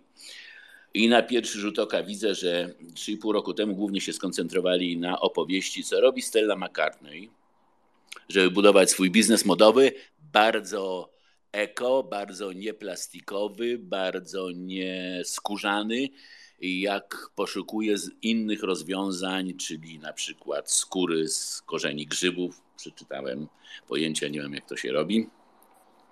I głównie to było, i głównie to było o tym, ale mam nadzieję zapoznać się z tym nowym raportem. Widzę, że idzie to w stronę trzech kierunków. Jeden to jest, jak oni nazywają, cyfryzacja w stronę hiperpersonifikacji klientów. Czyli o czym chyba na jakichś spotkaniach już wspominaliśmy, że to jest jakiś trend w retailu i, i nie tylko w e-commerce istotny, że mają taką wiedzę o nas, że upraszcza to cały proces e, zakupu, ale i oferowania. Że, że ta, ta, ta wiedza służy temu, żeby ten proces stał się e, bardziej trafiony, przez to tańszy. I tutaj widzę, że martwią się dwiema rzeczami, że, korzyści są takie, że, że buduje się lojalność klienta, bo klient widzi cały czas, że ma to w zasadzie czego oczekuje, ponieważ algorytmy naszego e, producenta, sprzedawcy wiedzą więcej niż my sobie o nas, niż my sobie uświadamiamy. No ale wymieniane są ryzyka związane z ochroną danych, że, że jednak już tak, tak wie się dużo rzeczy na nasz temat od od zwyrodnień naszych stóp, krzywych ramion, nie, niepoziomych i takich różnych rzeczy, nie mówiąc o obwodzie brzucha, pasa, biustu, bioder czy czegoś tam jeszcze, że to mo, może stać się zbyt, zbyt dużo i za bardzo ryzykowne. Ale ten wątek jest bardzo wyraźny. Wątek zarządzania oczywiście linią produkcyjną i tego wszystkiego, co się z just in time z optymizacją wiąże i tu cyfryzacja będzie będzie oczywistą rolę odgrywała, bardzo, bardzo dużą. Mm. I w, e, I w technologiach e, magazynowych, co jest też oczywiste, logistyka tutaj ma kolosalne znaczenie, ale to, co jest bardzo takie future oriented, w każdym razie dla mnie, to jest to wszystko, co się wiąże z NFT, czyli z tymi no, cyfrowymi produktami modowymi, które już się zaczęły pojawiać, już zaczęły być kupowane, już dwa lata temu chyba Nike wypuścił buty, buty cyfrowe. I branża przewiduje, że to też będzie jakaś istotna część y, biznesu modowego, czyli wszystko, co jest, e, co jest no, NFT i co jest, co jest e, cyfrowe, tak jak dzieła sztuki, tak jak, tak, trochę tak jak bitcoin, ale z całą pewnością tak jak dzieła sztuki cyfrowe. No, to y, takie mam tu poranne, nie wiem co jasną modą dzisiaj. Aha, no chwała Bogu, że z żeglarstwem miałem wątek. Dobrze, to tyle. To było czternaste wydanie podsumowania tygodnia. Y, piątkowe spotkania meldują się około południa. E, meldują się regularnie i pewnie za tydzień, jeśli e, zawędrujecie w podobne okolice jak dzisiaj, to usłyszymy się, choć zapewne z zupełnie innym e, zestawem wiadomości. Na koniec od nas Curtis Harding, bardzo przyjemne granie, które określane jest jako Slow and Soul. E, to jest może dobry pomysł właśnie, żeby to, co takie będzie bardzo energetyczne, weekendowe, zaczęło się tak leniwie. E, mam nadzieję, że popłynie teraz do Waszych słuchawek coś bardzo przyjemnego.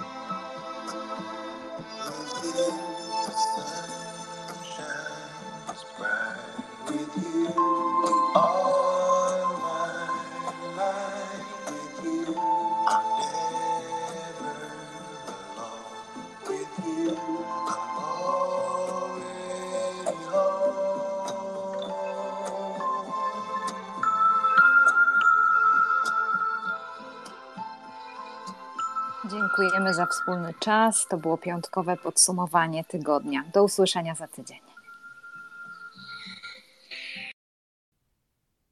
Bardzo Ci dziękuję, że byłaś, byłeś z nami w tym podsumowaniu tygodnia. Życzę Ci z całego serca dobrego piątku, żeby to był fajny czas. A jeżeli spodobało Ci się to nasze gadanie i te wychodzenie z różnych baniek informacyjnych, to bardzo Cię proszę, podaj dalej tą rozmowę, poinformuj swoich znajomych, oceń nas, daj nam jakieś gwiazdki. To będzie nam bardzo miło. Pozdrawiam Cię serdecznie z Gdańska, Kasia Michałowska.